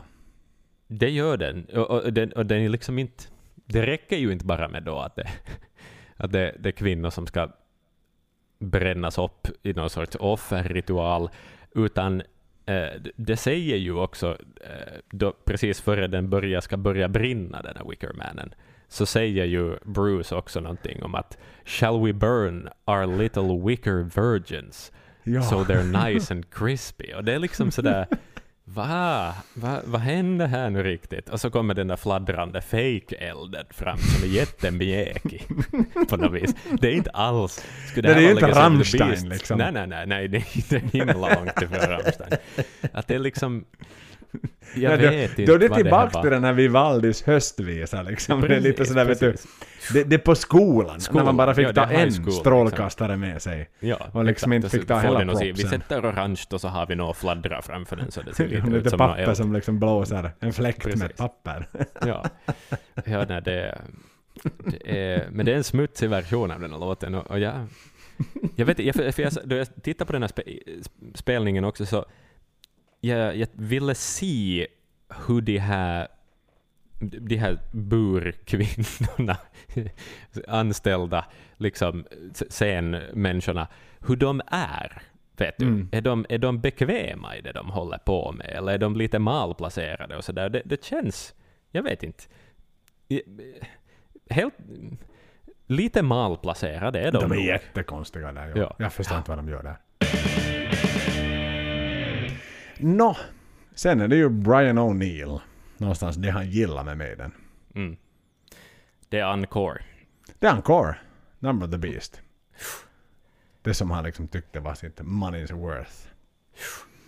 Ja, ehm, det är ju Nu nog mäktigt, Klassisk mäkt, skåpmat. men det är ju nog en mäktig inledning liksom på en encore också, att det blir den här tystnaden på något vis, och så kommer det här talet. Det, det är en Ja. jävligt bra första låt på en encore, det är det. Mm. Eh, och, och så här, vad skulle jag annat säga? Där, det som har blivit bättre nu eh, med åren är ju nog elden. För att inte är det ju samma sak med de där fjuttiga smällarna som kommer. Som, som någon sån här pyrotekniker också i den här Day in the Life-dokumentären säger någonting om att, att det, it's not gonna be uh, as much spark, but it's gonna be louder, säger han. Men det är ju inte det man vill ha av pyroteknik, att det är mer högljutt. Man vill ju ha Nej. visuella, det är ju det du vill ha. Men det är det enda du vill ha. Ska du vara någon, ja exakt. Liksom en Ja, liten... liksom med den här med, med Mattbomb. elden. Precis, ja det är ju som mattbomber i jämförelse med hur det är idag, då man känner värmen det är som när fast man Steve står på kopplar liksom läktaren, basen liksom. i fel eh, output där i, Ja, ja, precis, i ba- här och den liksom bara box, kommer en liten liksom, gnista precis. liksom för att det Ja. var... Ja. ja, så det, det har ju blivit bättre. Och med, det är underwhelming liksom pyroteknik, Ja, verkligen. Ja. Men, men det där... Och då är det ändå det- Rio med 250 000. Liksom, det- Exakt. idag så hade de Men ju du måste ha riggat loud liksom... bangs så att de där bak hör det också. ja, men idag hade de ju riggat ovanpå själva scenen. Så att Ja, det ja, blåst upp en, en jävla liksom pelare med eld. Det, inte bara på scenen utan liksom högst upp i taket. Vet du, Precis, där, liksom på, exakt. där, där scenkonstruktionen tar slut. Så, så att de längst bak av 250 000 också hade sitt en sån där jävla liksom bara flammoln som dyker upp där. Synkroniserad med ba ba ba ba Som det är nu. Nu för tiden Ja. har de ju fattat det. Jo, jo, det, uh, det är så nice nu för tiden. Men, Men eh, där är ju alltid med den liksom lilla Rammstein, liksom det, det, lilla Jönssonligan av Rammstein. För det är ju som såhär, vet du, Bruce idag med, med Flight of Icarus. Mm. Och sin lilla liksom, vet du, tändare som han står och Mm. tänder. Sådär, och, och Bruce är liksom imponerad av det såklart. Och någonstans syr ihop det lite med att, med att Bruce hade tittat på Deutschland-videon av Rammstein och liksom inspirerats av den till Writing on the Wall. Men, men sådär, vet du, till Lindemann säger ju nog bara Hold my beer när han tittar Jo, på jo, Bruce jo. Dickinson liksom med, med, med sin lilla ficktändare liksom. När han står med sin flamethrower liksom att det är sådär, ja vet du vad, det där använde jag typ första konserten när vi spelade på en kårhus i Berlin. Jo, jo. Hold Bara- my beer, för jag har så sönderbrända fingrar så jag kan inte hålla i den här ölen. Nej, exakt. Så att liksom sådär... Nej, den pyrotekniskt är ju... Det finns ju band som är som... No, igen, Rammstein är ju nä, nästan är en mer kända för liga. elden än vad de är Ja. kända för sin musik. Ja. Och, och då ska du ändå gå tillbaks till tiden när de gjorde liksom Power Slave. Och du minns de har ju det där glödande fatet som kommer... Och när Bruce står med masken där och så vidare. Men det är, som, det är alltid så försiktigt. Mm. Maidens pyroteknik är försiktig. Ja. Samma ju också när han nu det senaste är det, nam- är det nu Run to the Hills så har han ju en sån TNT liksom du vet en sån gammal hederlig Just det, ja, som som, man han tryck- spränger. som ja. trycker ner, du vet sån gruvsprängare. Och, och när den då liksom inte det är ju Ja, som det då bygger förvänt- ju upp så mycket till det. Jo, det bygger liksom- upp som att nu blir Ja. det liksom Rammstein gånger tre. Men sen Mm. liksom slutresultatet är lite sådär jaha. Mm. Visst, det, de har liksom triggat igång några liksom plantera ut lite explosioner och så vidare. Men det är ju inte liksom det där att du förväntar dig att hela scenen rasar ner på något sätt. Mm. Liksom, att de spränger hela scenen så att det är bara en stor krater kvar. Precis. Ja, ja, det är det man förväntar sig. Ja, ja. Men, men det är inte Så- det blir. Så att, och, och då, då är ju Maiden, trots att de är över 20 år in i sin karriär här, och Number of the Mm. Beast, liksom, de här små ficklamporna de lyser med i jämförelsevis med idag i Maiden-mått mätt, så är det ju lite sådär va- varför gick de inte all in? För det är ju inte som att någon skulle klaga att nej men Maiden ska inte vara ett pyrotekniskt band. Nej, Utan nej. det är ju part of the deal. Kanske det är en teknisk utveckling. En HR-fråga. Möjligtvis. Men det däremot som gör den här inspelningen av Number of the Beast speciell är ju det här fanet som springer upp på scenen Ja. under låten och vidrör Steves bas. Han Huvud rör av Steve- Steves bas. Ja, ja, det det. Och sen och blir är han, nöjd. dragen bort bara liksom. Ja. Ja. Och det, Eller, det som är så eller är han nöjd? Vad hade han gjort till näst? No, det, är det jag, jag, tror att han, jag tror nog han hade sikte inställt på jag vill röra Steves bas. Halsen. Det- Alltså, ville han halsen, stämma alltså. om den? Ja, men det är lite det jag var orolig för också. Men det som också är så speciellt Att är han att, tar det så här kvarts. Ja, lite sänka, drop det, ja, hans bas. Så blir det lite tyngre. Eh, men, men, det där, men det som är så intressant också med det, hela den lilla grejen är att fanet och väktaren har nästan samma kläder på sig, så man vet inte alls vad som händer. För den här väktaren har liksom någon sorts beige chino och så en vit t-skjorta, och jag tror Mm. fanet har en vit Maiden-tröja också. Så man, och han ser så oofficiellt vet du, väktare ut, den här snubben som nu kommer att dra ner honom tillbaka också. Så att man, det är ett riktigt tumult på något vis. Ja. Men han ville liksom... Drop D, drop D. Jag, jag, jag, jag undrar liksom... Och hur har han kommit så långt? Vet du? Jo, jo, för du ska ju liksom över först en barriär Jepp. och sen ska du liksom en till. Ja. Eller är det saboterat liksom av, av um, Johnny Mm. Gers liksom partner där i kulisserna liksom som var det så här, Mm. nu, ska jag distrahera. Det är också möjligt. Det, Lite ja, som, det- som, som Sharon Osbourne. Som planerar, liksom planterar hela den där Osfest, ägg- liksom, äggkastningen liksom, på Maiden. Kan det, kan det vara ett, ett sabotage? Mm. Men, nu kommer vi till, till en, en exemplarisk inspelning av Helgat vare ditt namn. Mm. Mm. Det, det, om jag får någonting som ur DVDn sticker ut. Så finns det en kille som står med en gammal Nokia 5110 Mhm. och håller ut det där Gallows Just det, ja, för att liksom pole. visa hur långt det är. Jo, och han står med sin mobiltelefon och han håller den fel väg. Liksom, han sjunger in i det där stället där man laddar en gammal telefon. Just det, precis. Och liksom- Där micken sitter. Ja, ja på, inte på den tiden inte. För då satt den liksom i, på ett annat Ah, ställe. där uppe! Just det. Ja. Det gjorde den ju. Ja. Men, men han, han liksom illustrerar, han är Bruce Dickinson. Han vill Mm. visa att han också, minsann, kan hålla ut det där innan det går det liksom går uppåt och så vidare. Det är det mest ikoniska för mig. Mm. Hur är det för ja, dig? Okej, Okej, för mig... Jag reagerar på några saker. En sak, jag lite lyfta Nico McBrain igen. Alltså jag är fascinerad över hur väl han kan sitt trumset. För att det är så många gånger i den här låten där han spelar, det är ju hans favoritlåt att spela på trummor, det, det vet vi Mm. alla. Men hur han kan sitta och koncentrerat bara stirra någonstans på virveln, samtidigt som en, hans höger arm bara sträcker sig dit bakom, någonstans, bakom hans rygg och slår på just den där crashen som Mm. han ska slå på, på något vis, medan han inte sliter blicken från virveln en enda gång på något vis. Och, och Mm. liksom, men det är ju en fantastisk inspelning, alla de här trumfilerna han gör och allting. Och för den I delen, beg to differ my friend. Ty- tycker du han är slarvig? Nej, men jag tycker att Men det, det är här ju var inte ju...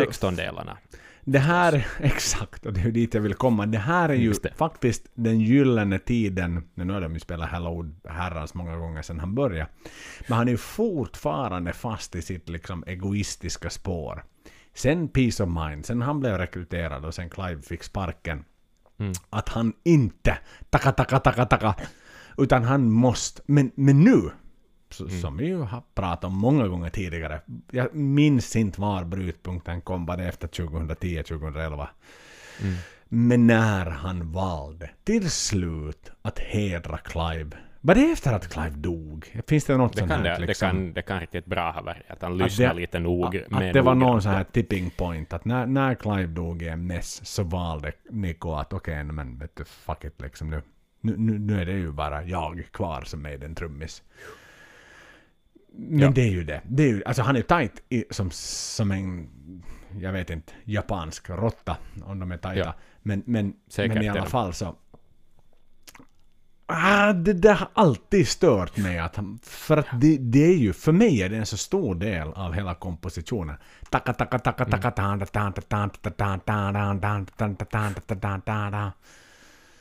Ja, ja, men... Nu fortsätter du. Borträknat det så spelar han det här jättebra. Eh, och det är också eh, som ju är, visst, det långa intro, running low, det är en lång ton, vi vet alla att det är en lång ton. Men på slutet så håller ju Bruce ut yeah, yeah, yeah. Det sista get håller han ut i 26 sekunder, Joel. Oh. Skitlänge. Så det är häftigt. Ska vi ta en test? Hur, många, gånger- hur länge kan du hålla ute? Okej. Jag tar bara ett andetag och, och sjunger. Vänta, Yeah. jag tar, jag tar fram Ska klockan. vi ta en timer? Okej, Jag tar en timer här. Vänta. du Ska har timer. se. Okej, vi testar. Säger du Säg du är du redo? är redo. Jag är redo. Jag är nu. redo. Okej. Yeah.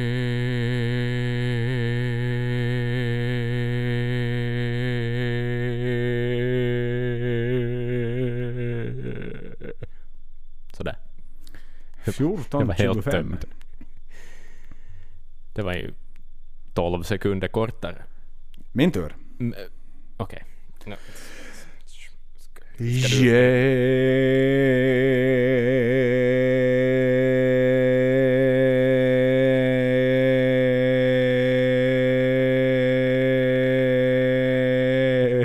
Vi bra poddavsnitt.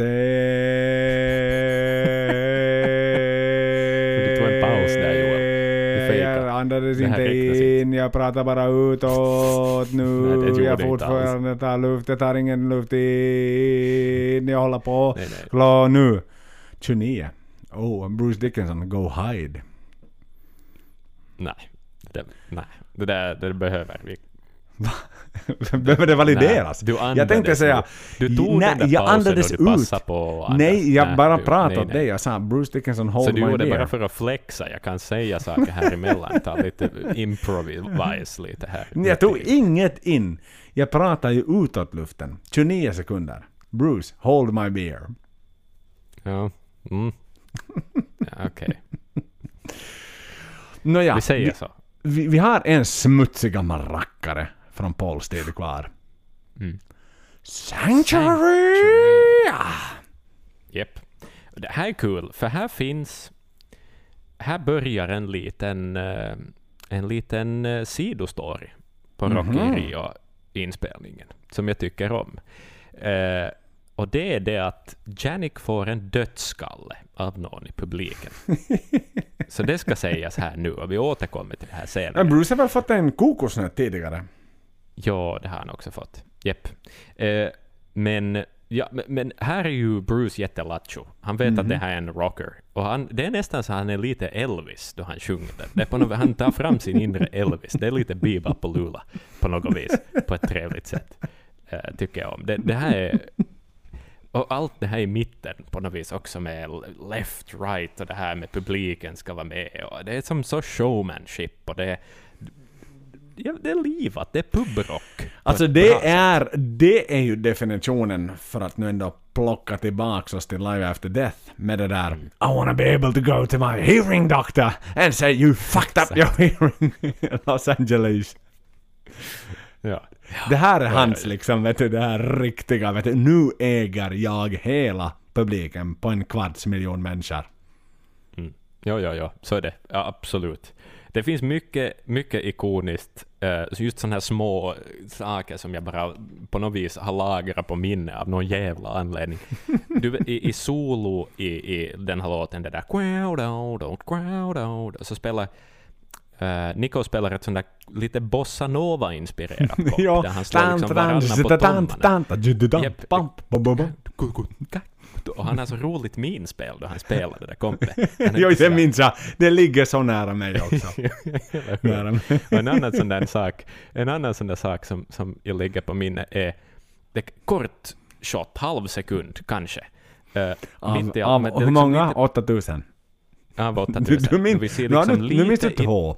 7998 har du kvar nu. Men vi har en till här. Och det är lite sådär halvprofil av Adrian och Dave som står och spelar. Det i, vi ser deras huvuden bara. Och Ja, mitt ja. i allt, mellan deras huvuden, så kommer liksom Janik bara sådär flaxande dit emellan och säger något snabbt i micken och sen är han försvunnen. Det är också en sån liten sån där detalj som jag bara av någon anledning så bara, ja men det där mindes jag på något vis. Eh, otroligt fint. Och för att inte förglömma Janiks härliga oljudssolo i, i den här låten. De Det är del, bara- del två. Liksom det är som del delarna. två, exakt. Ja. Precis, ja. ja men det, det är liksom, det är ju fantastiskt. Hans oljudssolo. Han får stå där och göra det där framför Jimmy Page. Liksom. Ja, gör det Och- där. och bara gör Åh, När det bara är han. Ja, exakt. Bara han. Och bara en massa rapless, liksom. Ja, och Det det, är är ju som, han, han, och han, den sticker ju inte uppåt gitarrhalsen, utan den sticker så långt neråt. Ja, ja, han är ju som ner på golvet på något Ja, vis. Ja, ja. Och liksom bara, Brukar våld. han använder inte fingrarna, utan händerna. Precis. Ja, Innan det kommer så- en Exakt, dandra precis. Aj, aj, aj, aj. Oh. Mm. Alltså det här är en är smutsig avslutning. Den här toppar ju nästan Wrathchild i form av liksom Ja. skitighet. Ja, ja, ja, ja. Det är så roligt och, och kul och underhållande och, Ja. och, och ljuvligt. Ja. Det, men också det att de har valt inte bara en av de här svingamla låtarna, utan två. Och två Ja. som är ganska obskyra, alltså egentligen i No, katalogen. verkligen. Himla märkligt. Ja, det var länge sedan vi hörde Sanctuary och Wrathchild.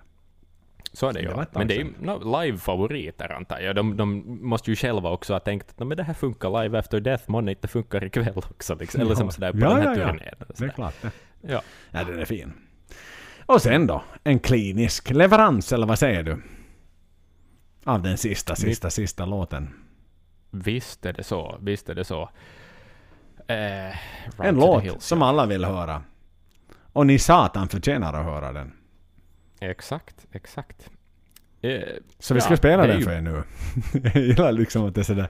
Så, det, han måste ändå förtydliga det med att så vi ska spela den för er nu. Sådär, Ja, att man, man inte liksom Ja. bara misstår sig om att nej men nu går vi hem. Utan, men är det då underförstått att vi vill inte spela den här egentligen? Men nu har ni varit så duktiga så vi kan tänka oss att göra Ja, för er. faktiskt. För vanligtvis kör man väl tre i encore. Man börjar med Ja. Maiden, Number of the Beast, Hello, nu har man redan bonusar med Sanctuary. Som är ju liksom, och den är ju så ledig och lattjo, så det borde ju vara det sista. Ja, Och sen är det ju sådär, de har en bonus-encore. ja egentligen. Här är en sång som ni vill höra. Och ni satan förtjänar att höra den. Mm. Så nu ska vi spela den för er. Alltså, fick till exempel Ruisrock i Åbo höra den här? Det är frågan. Eller Mm. var de inte liksom worth it enough? Mm. Var det någon sån här loudometer som Rod stod med i, i, i side stage där? Och den gick inte på rött i Åbo. Ah, ah, ah, Nej. ah, ah, ah, ah. De ska inte ha den. Precis. Men Brasilien så slog den liksom så många gånger i rött. Så det, han gav tummen upp åt Bruce. Yes, ni har Ja, får, tillåtelse får ni spela. att ge dem liksom kronjuvelen. Mm. Men det, det är ju Run to the Hills, det är Run to the Hills, det är jättebra inspelning av Run to the Hills. Jag tycker eh, den är utmanande för Bruce att sjunga. En fråga åt dig Axel, gällande den. Okej. Och The Trooper. Ja, no, låt komma. Måste du höra Trooper och Run to the Hills nästa konsert? Eller blir du gladare om de inte spelas? Än om de spelas? Fak faktum är att jag ser gärna att de byter ut båda de låtarna till och med. Mm. Alltså mot något annat, mot något mer intressant. Absolut. Ja, det finns bättre Maiden-låtar där ute. Eh, liksom. Det, Du väljer bort dem? vill man höra Deep Purple spela Smoke on the Water? Liksom? Nej. Inte om man You know, ser dem första gången. Nej, exakt. Så att... eh, Och även då så vill man bara höra intro-riff och sen så är man färdig. Ja, ja, men jag kan det här. Du behöver inte bara sjunga. We all came down from... Nej, skippa det. Nej. Jag kan höra Precis. att du, som är ett sånt här vet du, skojeri. Du vet, sen plinka plonka. Dun, dun, dun, Mm. dun, dun, dun, dun. Vad bra, då har jag hört den låten. Precis. Ja, Det är lite samma, Ni- Niko ska- kunde värma upp med taka, taka, taka, taka, taka, taka, tatta. Och sen, ja, oh, okej, Exakt. okej, bra. och så, så räcker det så. Ja. Men vi ska återkomma till en sak som jag påbörjade med här för, för en låt sen, ungefär. Dödskallen. Ja, Janiks dödskalle som han fick. För det man tror, han släpper taget om den nämligen i förra låten. I den här shotten då han får den så lägger han ner den tillbaka. Jag tänker att kanske han kastar tillbaka den i publiken eller någonting. Men nej, i sista refrängen av Run to the Hills på Rock in Rio så står Bruce mitt i allt och håller i den här dödskallen som Janik har haft. Mhm. Och helt och hållet, då hela konserten är slut och Nico är den enda som är kvar på scenen, vad plockar han upp då? Jo, den där dödskallen. Och så tittar han på den så där som man tittar på en flaska vin och säger Not bad, not bad at all, vet du på något vis, den där dödskallen. Så Och du menar att Nico är lika involverad? Jag tror att det är i... Är det nu inte i Flight 666-filmerna de är i någon sån inka eh, pyramid? Och, och Nico är riktigt liksom förförd av någon sån här, vet du, han, han har luktat på något som man inte ska lukta Mm. på. Och han Mhm. går runt med några fackla där i några grottor och liksom är, som han skulle vara någon sån här jävla, vet du, Indiana Jones liksom. Och Mm. re- Man ska respektera allting och liksom det är hit och dit. Precis. Är det lite så du menar? N- Nico är här liksom. Han, han, har, han köpt in på den där dödsskallen. Ja, ja, på något vis. Han, han tar, och han tar med den sig ut. Och då, och då ska det sägas han har kastat bort himla mycket trumpinnar och svettband för Och det här. Men den, ja, trumskinn, ja, bara som frisbeen, kasta ut. Mm. Men den här jävla dödskallen, den är värdefull. Han tar med den ut backstage. Ja, ja, den åker inte ut liksom- tillbaks. Nej, nej, nej, han tar med den. Och jag undrar vad det här var. Och det, jag, det, det, det är fint att det har fångats på film, att det ges ett fokus åt den här dödskallen. Och whoever gave liksom Janik den, så det finns förevigat på Rock Rio, att den, den var värdefull. Det var någonting Ja, och tre personer i Maiden har berört den. Så är det. Så är det. Och, och där, nu kommer vi liksom till den här klassiska delen av Maiden-podden. When we will ever meet Iron Maiden in person, så ska vi fråga vad hände med dödskallen från Rock Rio. Nu borde vi bara, för vi har en massa sådana här vet du som vi har kommit Ja, fram till under ett Ja, avsnitt. vi måste lyssna igenom hela podden. För och- och- och extremt deep cut frågor. Men det här är ytterligare en sån här relevant. Vad hände med den? Ligger den på Rods kontor? Vem av de tre fick ta hand om den? Det var Janik Ja. som var liksom gåvotagaren. Sen, Mm. sen förvaltade Bruce den under en stund. Sen var det uppenbarligen och Nico som liksom förde den backstage. Och, och det vet vi med säkerhet från boken att Ja. de festade inte efteråt, utan de bara satt katatoniska och var liksom någonstans helt slut. Så satt Nico liksom med den bara och tittade, stirrade den tomt i ögonen på något sätt då. Hamnade den på Bruce Goose, eller hur de nu flög dit och fram och tillbaks och så vidare. Det är en svår fråga. Ja. Det är ingen aning. Vi måste veta det. Steve tror jag Ja. inte har någon större koll på det där. För han hade ingenting med dödskallen att göra. Och inte Dave heller. Nej. Men jag skulle tro att den ligger på... Alltså, det, min första tanke var att den där ligger säkert på Rods skrivbord. Eller liksom i hans rum någonstans. Det bör den Som- ju göra. Det Ja. bör den ju Ja. göra. Tillsammans med den här Iron Maiden Finland-plakatet som vi har sett någon gång. Precis, Det fanns ju någon sån här det, ja. vinyl-skiva eller någon sån här gold-skiva som IMFC Finland i tiden, den tiden det fanns, skickade. Mm. Men vad fan, klockan är mycket. Det, det är lördag kväll och du behöver gå och sova. Men, men i min värld, så, jag, jag summerar ju det här som det bästa live-albumet av Maiden och också Mm. videoformatet naturligtvis för det är någonstans. Det är ju så jag har konsumerat den här är genom Ja. video. Det här är mitt Maiden live. Jo, och de, jo, så är det. Och det, det var korthåriga Bruce, det var liksom... Och de levererar fortsättningsvis. Ah, ja, Ja. För mig är det bara Ja, ja, ja. kärlek. Fruktansvärt bra form är bandet i på den här spelningen. Inget slarv, ingenting går fel, allt är så bra och det är så många låtar de tukar sig igenom. Och det är underbart att titta på. Och, och jag måste också säga det åt Steve, att hatten av för ett riktigt bra klipparbete. Ja, ja. Ja, för det är liksom ingen det- epilepsi. Nej, nej, det är inte det. Utan det här är, det är rättvist, det är bra, det är ikoniskt och tid... Och, och, och, liksom, vi, vi tittar på den ännu idag och vi är nöjda. Så att... Ah, nej, det här är, det var kul att prata om ro- Rock in Rio, måste jag säga. Det, Det var ju det. Men vad ska vi säga? Tack och förlåt för förseningarna, men jag hoppas ni har fått Ja. någon nytta av det här. Up the Absolut. irons! puss och kram.